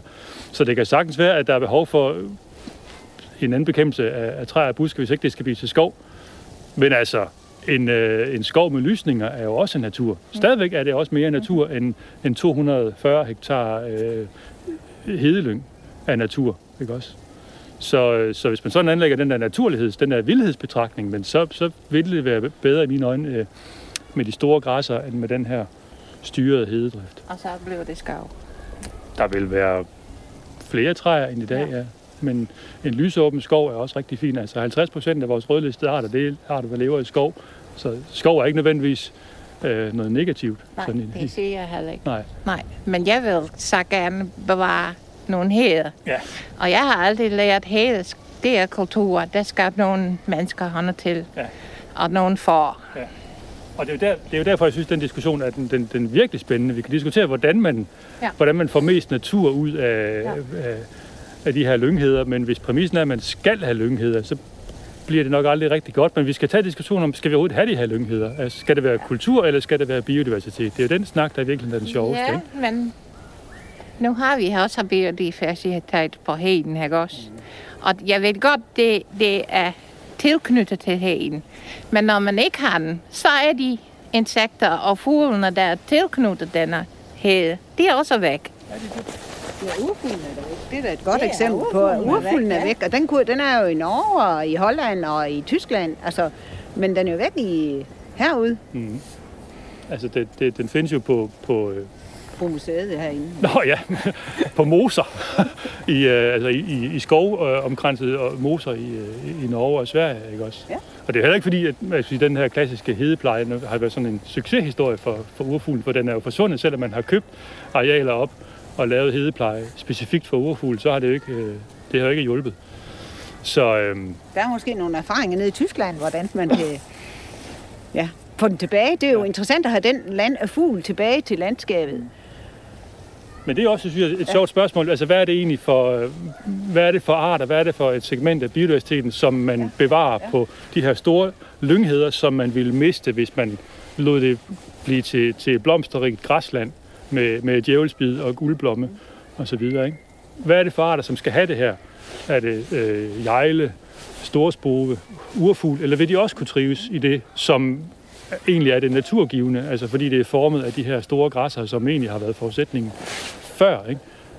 Øhm, og hvis, hvis de kræver de her store kulturskabte heder, men Det var de det, små brug. det vil være paradoxalt i hvert fald, hvis der findes arter derude, som, som ikke kan eksistere i den vilde natur. var jo, hvor der var de små marker, de små brug og de Ja, små hed. Lige, lige præcis. præcis. Og der, Lige hvor præcis. mennesket boede. Ja, lige præcis. Og det er der, mennesket er interessant. Altså biodiversiteten kobler jo egentlig lidt op på mennesket, hvis man kigger på det. Og det mennesket egentlig gør, at hvis mennesket går og klipper og trimmer og strammer og, og har en sti, man bruger, så kommer der jo noget. Altså det gør der jo, når der kommer nogle dyr og går, Ja. og kommer nogle veksler, så kommer, vi kan jo se, at biodiversiteten følger jo flokken, som Gik siger. Ja. Det er hende, der er derude. Ja. Og det interessante er jo ligesom, at, at mennesket fortolker, altså vi fortolker jo ligesom landskabet og bruger det, ja. ved at bruge det aktivt. Ja. Så synes jeg også, at vi har noget rigtig smukt ud af det.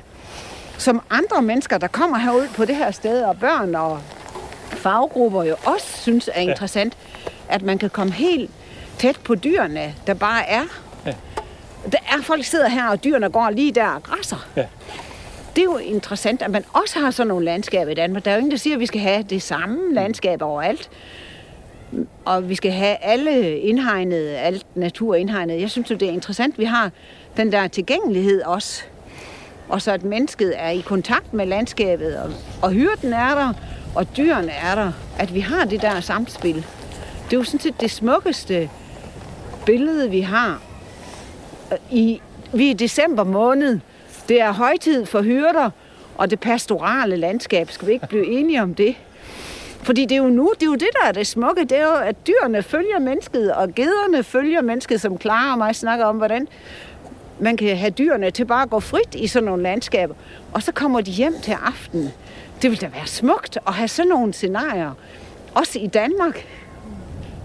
Ja, altså det kan man sagtens mene. Man kan også mene altså det modsatte, at, at, at vildhed også er, er, er, har stor skønhed i sig, fordi det ikke er menneskestyret. Det er jo en smagssag. Men det behøver vi ikke blive enige om, og det er jo, og det er jo fint. Men altså, man kan sige, at de der arter, som, som har, har fulgt øh, mennesket, øh, altså lad os nu bare tage urfugl, som jo først indvandrede formentlig i, i jernalderen, ikke også? De var her jo før. mennesket. Måske ikke lige i Danmark, fordi arealerne ikke var store nok øh, til den. den altså, lurer mig om ikke, den også har været i Danmark, bare ikke i så store, øh, så store øh, antal, som den så kom op på senere hen, da, da hederne fyldte det maksimale. Men altså, øh, den trives jo i vild natur i andre lande. Ikke også? Og hvis man havde en naturlig øh, græsningsdynamik på de her store heder, så skulle det undre mig, om ikke urfuglen også kunne være her, fordi den, er netop ikke, den kræver netop ikke hedelyng. Den kræver de her store åbne pladser, øh, hvor, de kan, øh, hvor, de kan, hvor hannerne kan spille eller parkspillet om, om foråret, ikke også? Og så lever den jo af, den lever af birkeknupper, ikke også? Og kyllingerne lever af insekter. Og så skal det være en lille musik, hvor der ikke er langt til skjul. Ikke også? Problemet har jo også været, at det har været store afskrællede lyngflader, de har søgt føde på som kyllinger. Og så har det måske været 20 meter væk fra, fra, fra skjul, når der kom en duehø eller, eller en tårnfalk eller sådan noget. Ikke? Og så røg de altså ned, så blev de spist. Ikke? Fordi det netop bare de der store flader, man havde. Ikke? Men hvor den, hvor den vilde græsningsdynamik ville have givet den tættere mosaik, hvor der måske kun var en meter eller halvanden fra fødesøgningsområdet og ind til skjulestedet. Og det har den jo formentlig kunne trives bedre i. Så jeg tror ikke engang urfuglene skulle være et argument for de store, de store øh, monotone lyngflader. Vi ved det ikke. Nej, vi ved det ikke. Vi ved det ikke. Det er jo, det er jo teori, ikke også? Det er teori, ja. Ja. Men det er interessant Ja. at, at have den der, altså den der dynamik ja. med, med, med dyrene og landskabet.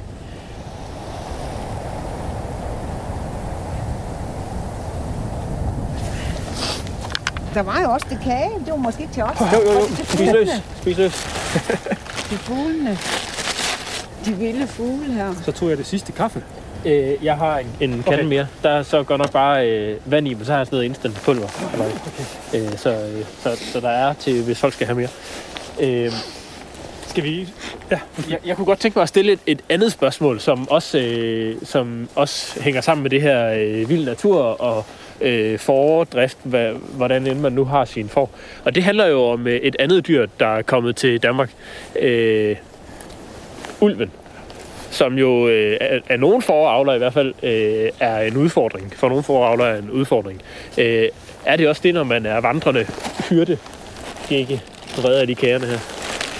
Er det, nu, nu ved jeg ikke lige helt præcis, hvor, hvor vi er henne i forhold til ulve, ulveudbredelsen, men de er måske ikke lige her. Øhm, Men, men, øh, angrebet her 3 km fra i sydvest.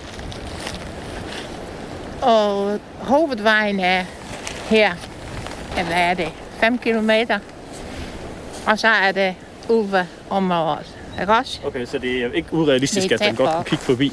Og vi har også set den bag om på Bræsberg. Men vi har ikke haft angreb her. Men hvordan, øh, hvordan er det som, øh, som vandrende forhyrte og, og gå et sted, hvor du ved, at der er ulve lige over ved naboen? Jamen, jeg er ret rolig, fordi jeg er ved foran, så...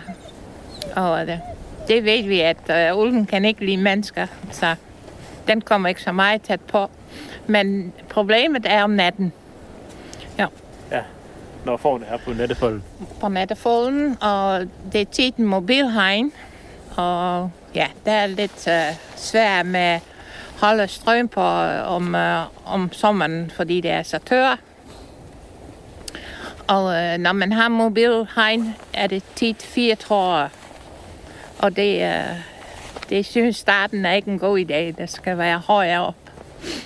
Så det er et lille problem, ja.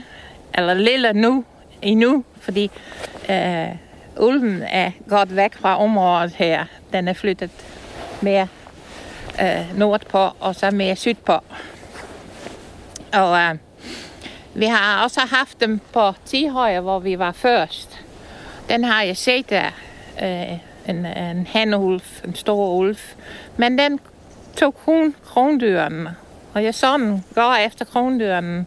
Men øh, foran gik den ikke efter sig. Den, det var en sød ulv. Ja, men er, er det... Øh,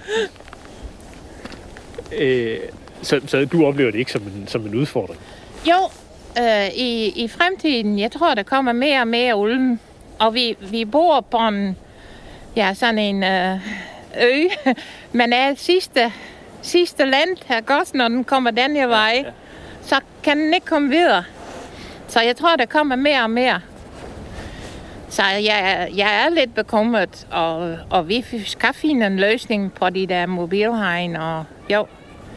Men, øh, men nu bor vi her ved siden af de der frilandskriser, og jeg tror, at ulven ikke kan, de der fri, kan lide de der frilandskriser, fordi uh, ja, da ulven var tre kilometer væk herfra, så, så gik de andet tættere på øh, uh, om vinteren. Og uh, det var måske en kilometer fra hinanden. Og uh, der, der kom ulven ikke ind. Så jeg ved ikke, om det er rigtigt, at det er de der frilandskriser, men det kunne godt være det. Altså, man kan forestille sig, at øh, sådan en ulv, den, øh, den vil fra naturens hånd vide, at et vildsvin, det skal man måske ikke sådan lige ja. kaste sig over. De er jo måske nogle barske ja. nogen at tage kampen op med. Men uh, det er rigtigt, i fremtiden skal vi se på hegnet om, uh, i de der nattefolden, om, om vi kan gøre der noget, og, og måske uh, sauer ved foran. Det gør de i Holland også nu. Sauer ude med forne? Ja. Okay. Der har hyrden en vogn og, og sauer ved foran, når de er i natterhegn. Ja.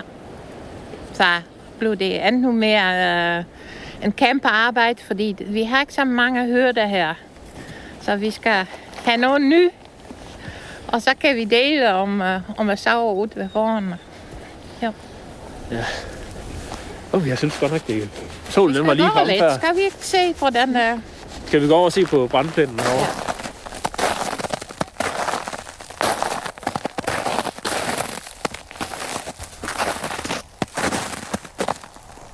Ja. Øhm, og, og det, det handler jo egentlig om at få brand i tide. Altså inden lyngen dør. Altså inden rødderne dør. Og den her lyng, den er så kommet fra, fra rod af. Men det, jeg synes, der er mere imponerende, når vi snakker insekter, det er jo ligesom, at den også blomstrer i år. Den har jo blomstret i september, og det er ja. jo måske et godt tidspunkt at have honning og insekter. Der er i hvert fald noget her, i de her blomster her, til, Ja, til ja. bier og biler. Og, Ja, ja, der er jo selvfølgelig nogle, nogle, nogle, øh, nogle bier, blandt andet, som, som øh, er specialister på hedelyng og søger, øh, søger pollen fra, øh, fra hedelynger, som er klar der i, i august så, og så vi september. får allerede en blomstring så ret, ret tidligt. Ja. Og så får vi så også lyngen til at komme fra frø. Her. Ja. Øhm, men men hvor så vi går, hvis vi så går op på den her op, så begynder det så ligesom at være mere senil.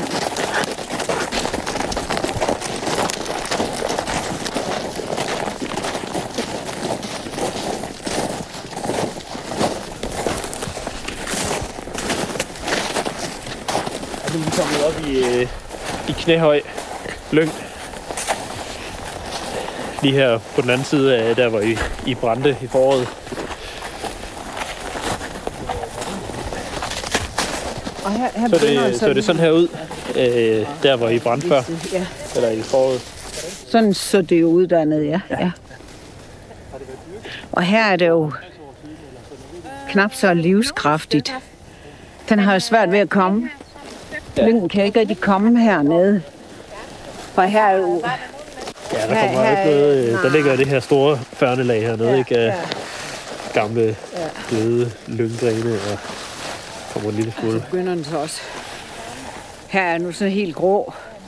Grå i toppen, så den er sådan ligesom noget der til, hvor at, at den dør ned. Og så ligger jo de her grene her, og så... Øh, ja, altså, man må sige, når vi laver sådan en lille brand, så får vi ligesom stimuleret noget genvækst. Ja. Og noget fornyelse. Det er jo en plante, der er afhængig af at blive øh, brændt af. Og med i norsk, der er norsk forsøg, der faktisk viser, at lyngfrøene spiger bedst ved brand. Hvilket er ret interessant. At der kommer en, en bedre livskraft tilbage. Men, men hvis vi får, nu får det, venter på, at det her det fuldstændig er blevet helt død, så tager det jo rigtig lang tid at få lyngen til at komme fra frø af igen her. Den, kan, den har rigtig svært ved at forny sig selv, når den er altså på det her stadie her. Og det her, det, det, det bliver jo meget, øh, meget monotont, når man kigger ud over det her landskab her. Og man kan Altså, se, der er sådan- nogle tyttebær nede i det. Men, men det interessante, når vi har brændt, det er, at der har været fuldstændig tykt med tyttebær hernede. Og det er jo mad også. det er mad til mennesker, tyttebærne, men de er jo også mad til vores fugle jo. Og urfuglen lever jo også af tyttebær. Den er her jo så bare ikke længere. Desværre, ja. Fandt du noget derovre, Lars? Jeg synes, du sagde noget andet, da du var for knæ over Ja, i men jeg kiggede efter Marie hernede af koppen, som øh, måske godt kunne være her, men øh, forgæves. Det er den her lille sjældnæderkop, som lever nede i jorden på heder, og laver sådan en lille, en lille halvtagsformet spind op i, i det lave græs, hvor den så fanger skarnbasser. Den er glad for, øhm, den er glad for, for sol og varme og findes på sydvendte hedeskråninger osv. Så er den glad for, for skarnbasser, som den lever af, øh, bider hul på, så man kan høre det knaser. Så den er glad for, at der er en eller anden grad af græsning, øh, som giver noget lort til de her skarnbasser, men den er ikke glad for, for hård græsning, fordi så bliver spindet trådt i stykker. Øh, så, så hård sommergræsning med heste eller køer er også skidt for den, på samme måde som hård sommergræsning med, med får vil være det. Men den foregræsning, som man ser på hederne, er faktisk til synligheden fin til den, fordi den er så, den er så ekstensiv, den her græsning. Det bliver ikke trådt i smadret, det bliver, det bliver bare øh, græsset lidt monotont, men ikke på grund af for hårdt slid. Så det trives den faktisk fint med, fordi der så er lort over det hele. Altså den klassiske øh, forrestning på hederne. Den, den, øh, den trives Marie hernede op til synligheden øh, fint med, øh, fordi slidet ikke er særlig stort, så spindet får lov til at, at være der, og så er der lort over det hele, og så er skarnbasser over det hele. Og derfor mad til Marie hernede af koppen over det hele. Ja. Så den har det sådan set fint, og den, den kunne godt være her, hvis det var varmt nok. Det kan være, det er lidt for fladt og lidt for... Vi finder den ikke lidt så meget her på vestkysten. Ja. Fordi uh, jeg ved ikke, om det er vinden, der er for hårdt til dem. Nej. Ja, men vi har der masser af løbekrabber af koppen, og vi har med sma- smaragd af, af Yes, koppen. Og, den er fin. Så Ja. der er lidt på det grønne Den liste. er jo smaragdet af koppen. Den er jo, øh, den er jo ikke smaragdfarvet, den er faktisk blåtopfarvet. Den har den der samme, præcis den samme set grønne. forskellige. Vi har Ja. set mange grønne, ja. og så grøn foran med guld og orange Ja, i bag, ja. og så er det helt guld. Ja. Og så har jeg også set med, med, med brun Ja, også. ja. Så der er masser af forskellige. Ja, og det er, det er blåtop camouflage. Den kan være blåtop grøn, eller den okay. kan være vissen Ja. blåtop gul. Ikke også? Okay, Men den sidder gerne på blåtop. Ja. Øh, altså en fantastisk æderkop. Jo, jeg Den- synes også, at det er en af de smukkeste. Men ja. der er en mere en øh, løbe øh, krabbeæderkop. Ja. Og den tilhører heden, Ja. den er med hvide øh, Ja, histrio. armehælerne. Histro, histrio. Philodromus, Historie. ja, Philodromus histrio, eller nu hedder Ja, den Rhizodromus histrio.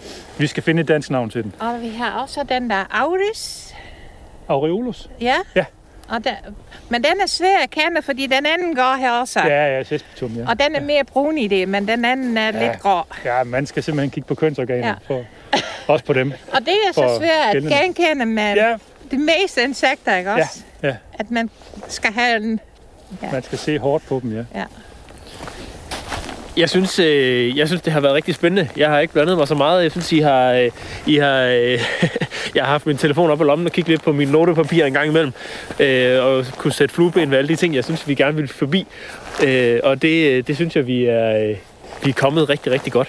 Øh, jeg er i hvert fald blevet klogere på, hvor, øh, øh, hvad kan man sige, hvor, hvordan de forskellige syn kan være på, på lyngheden som, øh, som fænomen, øh, og på, øh, på, hvordan man bruger forne i, i, i plejen af sådan, et, øh, af sådan et system her. Så jeg vil bare sige tusind tak, fordi I øh, ville tage jer tid til at komme ud på sådan en, øh, en, en kold decemberdag.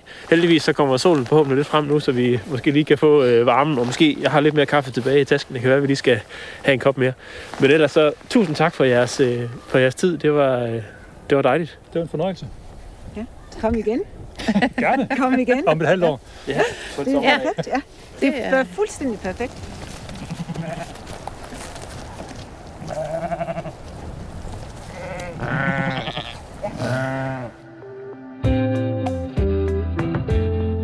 Så er vi hjemme i studiet igen øh, fra Dialogkaffen her, og jeg tænkte, at det kunne være lidt interessant at høre, tænker du, vi er landet med de der får, altså er der en, er der, er der kommet en afklaring, eller? Nej, der var ikke konsensus, det vil jeg ikke sige. Det var der ikke. Nej. De er ikke, de er ikke enige. Nej. Men, men måske var der en lille smule konsensus omkring, hvor i uenigheden bestod. Altså, Ja, Forstået på den måde, at, som, som jeg tror, det var Lars, der ligesom opsummerede det, ikke? at det kommer jo an på, hvad man vil med, med området. Ja. Det, Ved du hvad, det slår mig lige, at lytterne ikke ved, hvem jeg er. Altså, det, skulle, det skulle bare altid lige huske at sige, at jeg hedder Andrew, og jeg er producer. Men du er jo en fast gæst i det. Ja, vi, vi taler vi jo kan- sammen næsten i et hver eneste program, men det kan vi ikke regne kan med. ikke regne med det. Nå, nu er, Du nu er lytter til Vildspor. Ja, Og i Vildspor, der er det mig, der er chefen. Jeg hedder Rasmus, og så har jeg en producer, der hedder Andrew. ja. Og du har din egen jingle, så folk ved, hvem du er. Nå, okay, ja. Ja, jeg har ikke min egen. Nå, det var også lige et tidsspor. Øh, et vildspor. Det handler om får i dag, Mm. øh, og vi har været på dialogkaffe, og, og på den ene side af dialogkaffen, der stod biolog Lars Brun, og på den anden side af dialogkaffen, der stod forhyrderne Berit og Gække. Ja. Og, øhm, og, og dialogkaffen var ligesom på besøg hos Berit og Gække, som viste, hvordan de græssede på, øh, med får på de her heder. Øhm, der, og formålet var jo altså, udover at passe på blomsterne og sørge for, at heden ikke går til med træer, Mm. så var det jo også at, hvad kan man sige, at, øh, at holde en tradition i hævd, altså gøre, ligesom man gjorde i gamle dage. Ikke? Ja, Så ja. der indgik også noget, noget afbrænding Ja. øh, i den her hedepleje. Så det Ja. var noget med at pleje heden for at bevare det her kulturminde, Ja. som heden også er. Ja, fordi det er jo lidt det, er jo lidt det der er spørgsmålet. Hvad er det, man gerne vil opnå? Ja, præcis. Det, er jo- det er jo der, kernen ligger. Det er jo der, altså uenigheden ligger, vil jeg sige. Ja. Fordi Lars' argument var jo på den anden side, at hvem siger, at det lige præcis skal se sådan ud, de Mm. der store øh, flader med hedelyng, Mm. som måske også er ensformige og monotone i et eller andet perspektiv, ligesom en græsplæne eller en bøgeskov kan Mm. være det. Mm. Øh, fordi hvis det nu var natur og biodiversitet, så måtte der for hans skyld gerne være noget mere variation. Ja. Og, øh, og det argumenterede han så for, at man kunne få ved at græsse med nogle større dyr og nogle tungere dyr, Ja. end de der får. Som ja. nogle dyr, der ikke først og fremmest spiser, spiser blomsterne. Ja, og det var, det var de to forhyrter ikke så klar på, de større dyr. Nej, det var de jo ikke. Og det er, jo, Øh, det er jo tit noget, vi diskuterer i det program, de, de store dyr. De er Ja. ikke altid så populære. Men hvis vi nu lige først skulle tage forerne, så tager Ja, vi lige ja, det ja. der med de store dyr bagefter. okay, fordi okay. der var jo, der, jeg synes, der var to ting. Det var både dyrene og hegnene. Men altså, mm-hmm. Mm-hmm. forerne først. Det er jo, der er nogle fordele. Mm-hmm. De er nemme. Øh, de kan hyrde, hyrdes, så man kan sådan have hunde, der driver Mhm. mm. rundt med dem i en flok. Ja. Ingen er bange for dem. Mm. Det har jeg i hvert fald ikke hørt om nogen, der er rigtig bange for får. Nej, det tror jeg, det har jeg heller ikke set. Og så kan de bruges til at bekæmpe nogle uønskede arter. Ikke? Man kan ligesom sende dem ud, og så græsser de nogle, noget rynket rose eller noget. De kan også spise kæmpe bjørneklo og sådan noget. Så man kan de, bruge de dem er gode sådan. til at spise. Det er nogle værktøjer, Ja, man ja. kan bruge. Men der er også nogle ulemper. Får æder bare blomster først. De elsker blomster. Så de starter med at spise alle blomsterne. Mm, så, så får blomsterne ikke sat frø, og så bliver de ikke spredt. Øh, så er det græsfrøen, der bliver spredt i stedet Mm. for. Får hører heller ikke rigtig hjemme i Danmark. Det er sådan et dyr, der hører til i bjergeegne. Okay. Det er jo formodentlig fordi, at i lavlands Europa, ikke, vi befinder os i det der la- lave, flade del af Europa, der vil de simpelthen bare blive et af rovdyr. Ja. Det er et nemt bytte. Det snakkede de også lidt om, ulven og ja. Ja. forerne. Ja. Det er sådan en madpakke. Mm. En, øh, en pelset madpakke. Ja.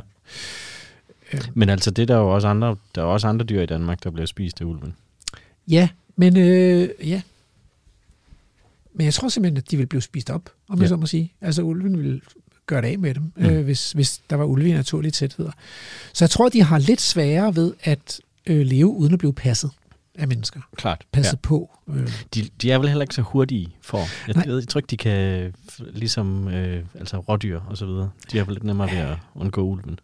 Nej, de virker som et ret uelegant og klodset dyr, men, men jeg tror egentlig, de, kan- de kan jo færdes i ret bjerg, bjergrige Det er terræn. klart, ja. Og der har de måske få nogle fordele, altså. Så bare ikke i Danmark, for det Nej. har vi ikke rigtigt. Øhm, så er det også små og lette dyr. De skaber ikke helt den samme variation og det samme slid som tungere dyr, okser og heste og bison og sådan noget. Og her mener du, at de, de, De træder de ikke tramper ikke op. så meget. Nej. Og det vil øh, øh, det er der jo mange biologer, der godt kan lide, fordi så bliver der skabt mulighed for for eksempel redesteder til nogle af de her vilde bier, Mm, der bygger huler i, når der er bar jord. klart, ja. øh, eller øh, steder, hvor laver kan etablere sig, sådan nogle jordboende laver kan etablere sig i det der blottede sand eller grus, der kan være på sådan en hede. Mm. Mm. Men, men altså, så er, de, så er de så en del af kulturhistorien på hederne med den her foregræsning. Og det, det jeg tror jeg ikke, der var så meget skænderi eller diskussion om, sådan set. Nej, fordi der kan man vel bare gå tilbage og kigge på historiebøgerne. Ja. Ja. Men, men og det er, jo, det er jo også derfor, at så bliver det måske også et spørgsmål om, når du siger, at de ikke er hjemmehørende, altså hvordan bedømmer vi så det? Hvad er det? Ja. Det er nogle kriterier, vi skal bedømme det ud fra, så, ikke? Og det er jo, det er jo også en diskrepans. Ja, så, så når jeg siger det, så mener jeg biologisk hjemmehørende. Så, Mm. Så hvis, man, hvis man ser på, hvis man overvejer, hvilke dyr ville der have været, hvis der ikke havde været mennesker i Danmark? Mm. Hvilke dyr ville der så have været? Ikke? Ja.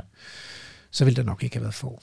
Det Men der du? ville have været heste og kvæg og bison, og måske ville der også have været elefanter og næsehorn. Og det bedømmer du ud fra det landskab, som vi har i Danmark. Ja, det bedømmer jeg ud fra, hvad man har fundet i mm. forhistorisk tid, før at mennesket rigtig begyndte at gøre indhug i de store dyr. Mm. Øh, så i sidste mellemistid, for eksempel, før det moderne menneske ankom til Europa. Ja.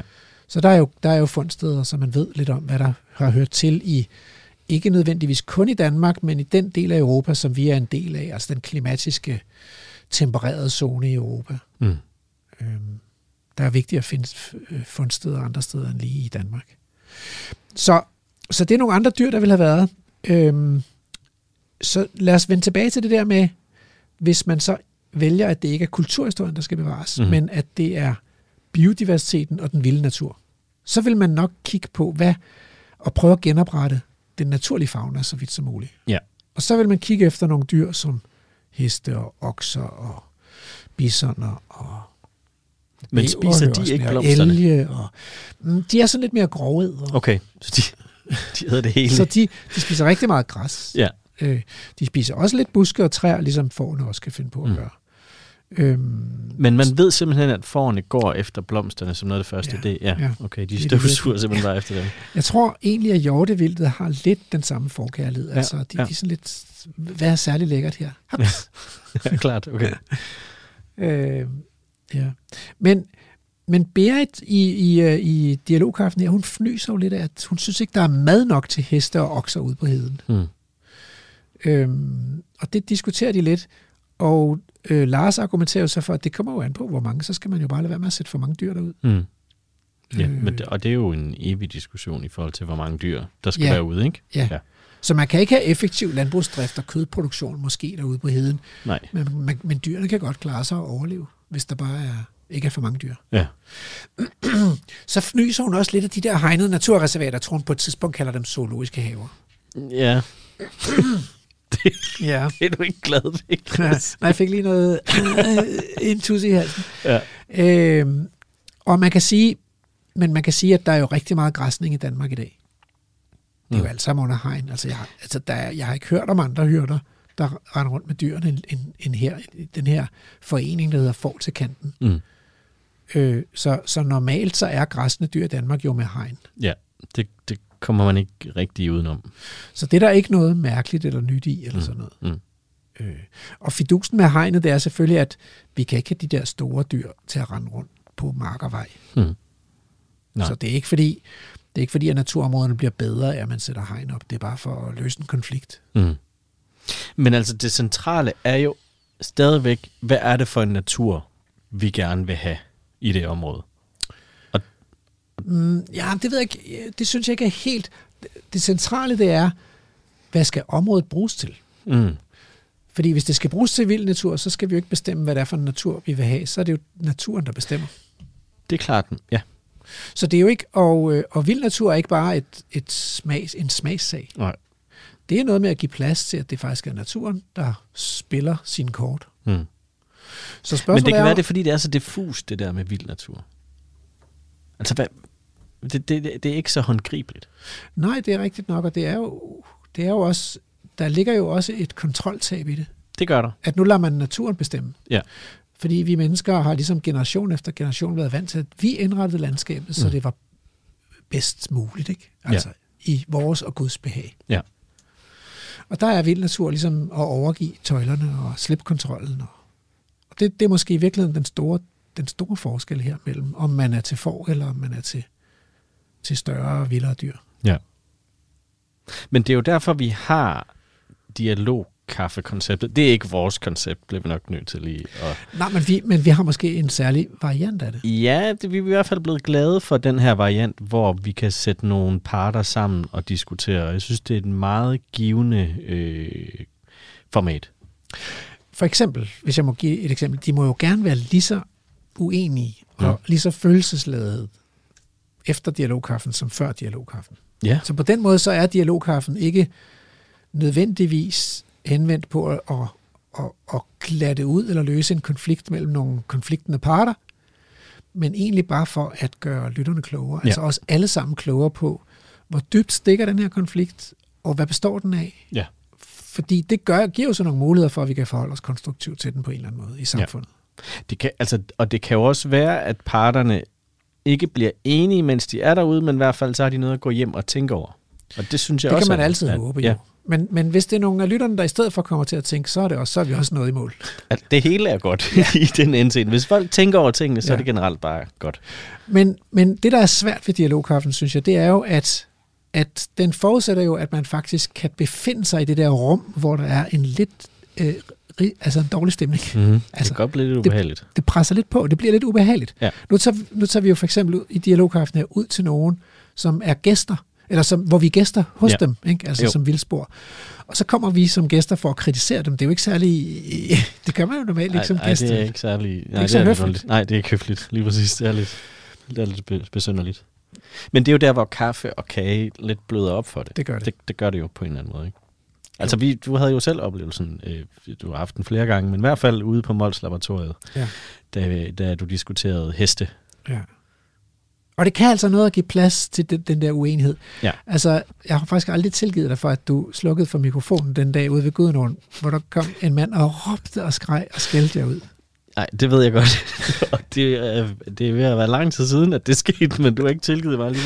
Ja, for det var bare god radio, og, for, og han var jo meget vred og meget følelsesladet. Ja. Og den, de følelser findes jo ude omkring Gudnåen. Jamen, det er rigtigt. Men han havde alligevel ikke lyst til at være med. Nej. Men det er, det er rigtigt. Øh, øh, følelser er, er, er jo også interessante at portrættere i, øh, i radioen. Ja, og, øh, øh, og vi skal selvfølgelig ikke fremkalde nogle følelser, der ikke var der i forvejen, men vi vil gerne vise dem, som er på, det, der er på spil, hvor Ja. der virkelig er noget på spil. Ikke? Ja. Og øh, ja, fordi det må der gerne være, og det er der jo i virkeligheden. Det er jo ikke noget, der bare sker på de sociale medier. De findes jo derude, de der, mange af de der følelser. Ved du, hvad der også er følelser i? Det er der som regel i litteratur, og jeg tror faktisk, det er tid til øh, ugens boganbefaling. Ved du hvad? Det er det, vi skal. Ja.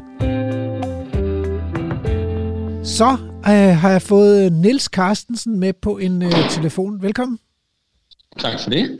Og du har jo bidraget til vores Facebook-opslag om øh, øh, litteraturanbefalinger, som kan gøre os lidt klogere på vores relationer til den vilde natur. Øhm, og det, det er derfor, at vi nu, du nu skal komme med ugens boganbefaling. Men inden da kan jeg jo lige minde lytterne om, at øh, du er jo også den Niels Carstensen, som vi har lavet vildspor med, ude fra Arkestrup øh, Vildevåger. Ja, Der, det er fuldstændig rigtigt. Der besøgte vi dig og din familie. Du havde købt en gård, og vi, og vi snakkede om dyrene, og derfor, derfor synes jeg det er lidt morsomt, at ugens boganbefaling hedder Min familie og andre dyr. ja, det er rigtigt. Indtil videre, der handler det desværre herude mest øh, stadigvæk om min familie, og ikke så mange dyr endnu, selvom det var det helt store tema på øh, jeres anbefaling, det var jo dyr, ikke også? Men det er simpelthen ikke lige nået til endnu. Men prøv at høre, at vi, der er jo nu, du har jo en trussel hængende over hovedet, fordi vi kommer jo måske ud og besøger dig igen. Hvad vil Jamen, du det regner det? jeg helt sikkert med. Nå, men jeg skal bare, du ved, sørge for, at der er nogle dyr på, inden I kommer. Vel? Ja, det tror jeg da også nok lige. Ja. Nå, men vi skal til ugens boganbefaling, og øh, Ja. du har skrevet, at den er skrevet af en forfatter, der hedder Gerald Durrell, og mm. Øh, ham burde jeg måske have læst noget af, men det har jeg ikke, så nu er jeg helt blank og nysgerrig. ja. Hvad, hvad er det for en bog? Det, det er en engelsk forfatter, som har skrevet nogle bøger, men lige præcis den her, Min familie med andre og andre dyr, handler om øh, hans barndom, eller nogle barndomsår, han havde på Korfu, hvor de rejste ned, eller flyttede ned, øh, ham og hans mor, og så tre ældre søskende. Og han er siden sådan, ja, det, det kan du jo sortere i Rasmus, kan man sige, men jeg tror nok, at han er, han er videnskabsmand, og ligesom forfulgt sin naturvidenskab øh, som voksen. Og allerede her som barn, jamen, nørder han helt vildt i øh, den natur, der nu er på Korfu, eller i hvert fald var på Korfu der i cirka 1930'erne, 35 tror jeg, de rejser derned. Og den er vel ikke sådan, det er ikke sådan en videnskabelig bog, altså det er sådan en britisk halvtør humor med sjove personer, og så nogle, for mig nogle virkelig dejlige naturbeskrivelser. Okay, Øh, så, Det så var man ligesom kunne, det, der fangede mig, ja. ja, ja, så, så der er simpelthen øh, regulær naturhistorie i det. Man kan jo godt fornemme humoren allerede i, øh, i titlen Min familie og andre dyr. Jamen, jeg vil sige, det bliver endda endnu sjovere end titlen, Okay. simpelthen ind i bogen. ja, Altså- Ej, altså det, den skal sådan lige lidt ind i det der, jeg ved ikke, om det er sådan en engelsk stil, men noget af det er meget sjovt. Øh, og så, altså både hans familie der, bruger han meget tid på, og så de, de forskellige personligheder, de møder der på Korfu. Jeg kan Øh, vide i om 30'erne. Anders, altså om Anders Thomas Jensen, der har lavet den her Mænd og Høns, som også foregår ja. i. Grækenland, om han simpelthen har læst den samme bog. Det kan godt være. Nå, men fortæl, altså, Altså- kan du afsløre lidt Ja. om, hvad den handler om?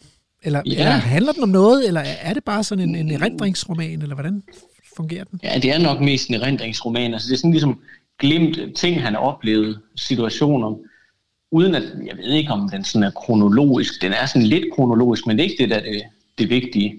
Det er mere sådan en anden dag, og så sker der et eller andet, ikke? Så beskriver han noget. Men meget af det hans, altså så er det noget, du ved, brødrene laver et eller andet, så er det en side. Men der, hvor det rigtige løfter sig for mig, det er sådan, når han er afsted, så er han afsted med sin store hund, ude i det der landskab, går ikke i skole andet, end når der er en eller anden professor, øh, som kommer hjem til ham og underviser, hvor de nørder øh, typisk i natur. Så har han samlet forskellige insekter, ham hovedpersonen her, og så skal de sådan artsbestemme dem og sådan noget. Så han går rundt ud i de der vinmarker og snakker med vinbønderne, og så bliver helt betaget af sådan en særlig slags æderkop, der har trakt spinder æderkop. Så sidder han, ja, ligesom man nu kunne, da man var barn, ikke bruge en timevis på at sidde og betragte sådan noget. Øh, ja, og finder en, altså det lyder, Korfu lyder helt vidunderligt, den her, i hvert fald i dag i 30'erne, med sådan landskildpadder i massevis, og insekter og skorpioner, og han nørder det hele og piller ved det hele og undersøger meget sådan videnskabeligt til værks. Og jeg synes for mig, som også var naturinteresseret, og som barn, så går han jo sådan helt anderledes videnskabeligt til værks. Virkelig nørder ned i det. Det synes jeg var meget spændende. Altså, jeg har sådan en eller anden øh, svag erindring om, at de fleste dyr, jeg fik i min varetægt som barn, de øh, omkom, øh, fordi jeg ikke rigtig kunne finde ud af at tage mig ordentligt af dem. Og det går også lidt igen for ham her. Okay, okay. Ja. Men, ja, og så, så er det bare øh, skøn barndom i solskin. Jeg tror måske også, jeg er lidt farvet af, da jeg læste den. Var jeg på ferie, måske havde jeg den med i, sådan, i Thailand eller et sted, hvor der var varmt. Så det passede bare lige ind. Jeg kunne lige se det der, du ved sådan, hvordan varmen sidder hen over øh, olivenlundene på en anden måde, når jeg sidder nu her i Jakkestrup og kigger ud på det våde. Ikke? Mm. Jeg synes, jeg var vildt skønt. Så, så bygger hans bror på et tidspunkt sådan en sejljolle til ham. Så udforsker han vandet der med den hund, og det lyder bare helt vildt skønt, synes jeg. Og så når der er sådan en masse ting, hvor jeg tænker, ej, hvor fedt. Det der, det lyder skønt. Men altså, var det ikke også altid godt værd, da vi var børn? Altså, sådan husker jeg det. Sådan tror jeg, det var jo. Ja. Men, Det tror jeg. men det vil sige, du har også nørdet natur, da du var barn. Øh, alene eller sammen med nogle andre, eller hvordan? Nej, det var, jamen, jeg har nemlig ikke nørdet det så meget. Jeg tror mere, at jeg sådan har ligesom sat pris på det og været rimelig meget udenfor, men, men i, ligesom mere i leg. Ja. Leg var udenfor at gå rundt og... Jo, men også sådan udforske. Jeg har egentlig altid sat pris på, At gå på ved ikke, altid sat pris på flotte blomster og sådan noget, men, men godt sådan få øje på, ej, det var spændende. Ja. Men jo mere var sådan, det var spændende, og så videre. Ah, men han, så bruger han en halv dag på at sidde og undersøge, hvorfor det er spændende, det der. Og det synes jeg var meget interessant. Det kan være, at det er der forne bliver skilt fra bukkene, der, om man, Ja. om man ligesom Lige bare går på opdagelsen, eller man også virkelig bliver mm-hmm. ved med at gå ned i detaljerne. Og, og for... Det kan du vel svare på, Rasmus, fordi Det er sgu du ikke så nemt. Jamen altså, øh, jeg tror, jeg var, gik også meget på opdagelse. Det, det, blev, det var ret sent, før jeg egentlig begyndte at sætte pris på det der med også at lære navnene og kende på alle planterne. Ja. for eksempel, og sådan noget. Ja. Så, så, så jeg er ikke sikker på, altså, som relativt lille, der lavede jeg øh, mit eget katalog over dinosaurer, men det var sådan, ja, okay. jeg selv havde tegnet, så det kan man jo ikke, man kan ikke kalde det sådan rigtig naturhistorisk. Men jeg, jeg tegnede dem, og så gav jeg dem navne. Så jeg, mm-hmm. Mhm. jeg sned lidt på vægten, kan man sige. Det blev måske lidt mere Jo, jo. spændende, end det var i virkeligheden. Ja, ja. Ja, ja. Nå, Men dog, øh, ja, systematik. men det var jo en anden tid, altså, fordi ham her, øh, hovedpersonen her, han får jo lov til det så. Altså, der er ikke, der er ikke nogen, der holder styr på ham, eller sender ham i skole, eller... Nej, nej, nej. Og jamen, også det der med at få lov, at- jeg tror han er ni eller sådan noget i den stil, Ja. få lov at sejle rundt med, med sådan en sejljolle der, det er jo aldrig gået. Han har garanteret ikke sikkerheds Ej, det skulle være udstyr skønt. og redningsvest og sådan noget. Slet, Nej, slet nej. ikke. Nej, Altså- nej. Altså, fordi i dag, der, er, der vil man jo være bekymret, og især hvis de kommer ud i en naturnationalpark med store dyr, altså. De der børn, ikke? Så det er jo den Ja. sikre død. Ja, ja, men det er rigtigt. Det er rigtigt. Og der er ikke engang nogen skorpioner derude. Nej, der er ikke engang skorpioner, eller, eller, Nej. eller mange farlige slanger, eller, øh, eller, eller store klipper, man kan falde ned af og slå sig til blods. Eller, men øh, i virkeligheden så er det vel trafikken, der, der er mest farlig. Ikke? Der kan man godt nogle gange, det kan godt lige give en, når de skal ud i trafikken. Nå, men han, han øh, mosler altså rundt, simpelthen på en ø i, øh, i Grækenland. Ja, og så møder han forskellige, for eksempel en guldbassemand, eller guldbassemanden kalder han, som, som er vel sådan en slags ballonsælger. Øh, jeg forestiller mig sådan en med heliumballoner, så i stedet for heliumballoner, så er han så sådan guldbasser i snor, som man så, når der kommer et barn, så får de der guldbasser lige en ordentlig snortur, sådan de, de blæser rundt i den der snor der, så får man sådan en guldbasse i en snor. Det er vel sådan en slags skarnbasse, tænker jeg. Ja, jamen, Nogle de- sjove ting. Jamen altså, guldbasser findes jo også herhjemme. Øh, Nå. Og de, og det er sådan nogle øh, store, øh, og de larmer ret meget, når de flyver rundt. Så jeg kan godt forestille mig, at det har været en fest at have dem i en snor, men selvfølgelig Ja, også ja, en eller anden form for dyremishandling, ikke? Jo, og det er nemlig også lidt det, der skinner igennem. Altså, der er nogle af de her ting, hvor man tænker, ah, det var Ah, ikke. den var ikke gået i dag. Ej, det er ikke gået. Så, så er der sådan noget, en situation, hvor han så som voksen, altså det er det der med, det springer lidt, men så har han så sendt sin mor sådan noget, seks flamingoer og en hel masse andre dyr, som hun så bare har i sin carport, indtil han kommer og henter dem. Og ej, hvordan, altså det kan slet ikke lade sig gøre i dag, jo. Altså, Nej. Sådan er der mange ting. Ej, det var er- sgu en, øh, en mindre, mindre romantisk øh, tilgang til det, og mere sådan eksperimentel. Ja. Ja. Øh, men den vil jeg klart anbefale. Altså hvis man er til sådan hyggelig, lidt lun vel, en lun bog, Ja. hvor man øh, jamen, kan glædes over andres naturglæde, så, Ja. ja. så tror jeg, at det her det kunne være det er et fint bud. Jeg læste den øh, sammen med min litteraturklub, og der var ikke enighed om, hvor god den er. Det er jeg nødt til at sådan advare at sige. Altså, der var nogle af dem, som ikke er så naturinteresserede, de synes måske, den var lang nok. Lige lang nok. Okay. Men altså, ja. Men, men der er mange små historier i den, så så kan man jo tage Ja, nogle ja. stykker af dem. Fuldstændig. Og dem, der lytter til det her program, Rasmus, de kan jo godt lide natur. Så det. øh, må ikke, Ja. den passer godt til os. Ja. Altså nu er jeg, øh, tusind tak for den her anbefaling, og nu vil jeg se frem til at komme og besøge dig igen, og så, øh, så må vi jo se, hvor mange dyr, der er øh, flyttet ind sammen med familien på gården i Jeg kigger Arkestrup. jævnligt efter øh, heste, det må jeg sige. Men altså, det hjælper Okay. selvfølgelig ikke direkte ud på marken, men jeg kigger. Okay. Ja, ja. Men har øh, dine børn fået nogle ordentlige kæledyr, så er der hund og kat og marsvin og fisk og undulat og skildpadde og...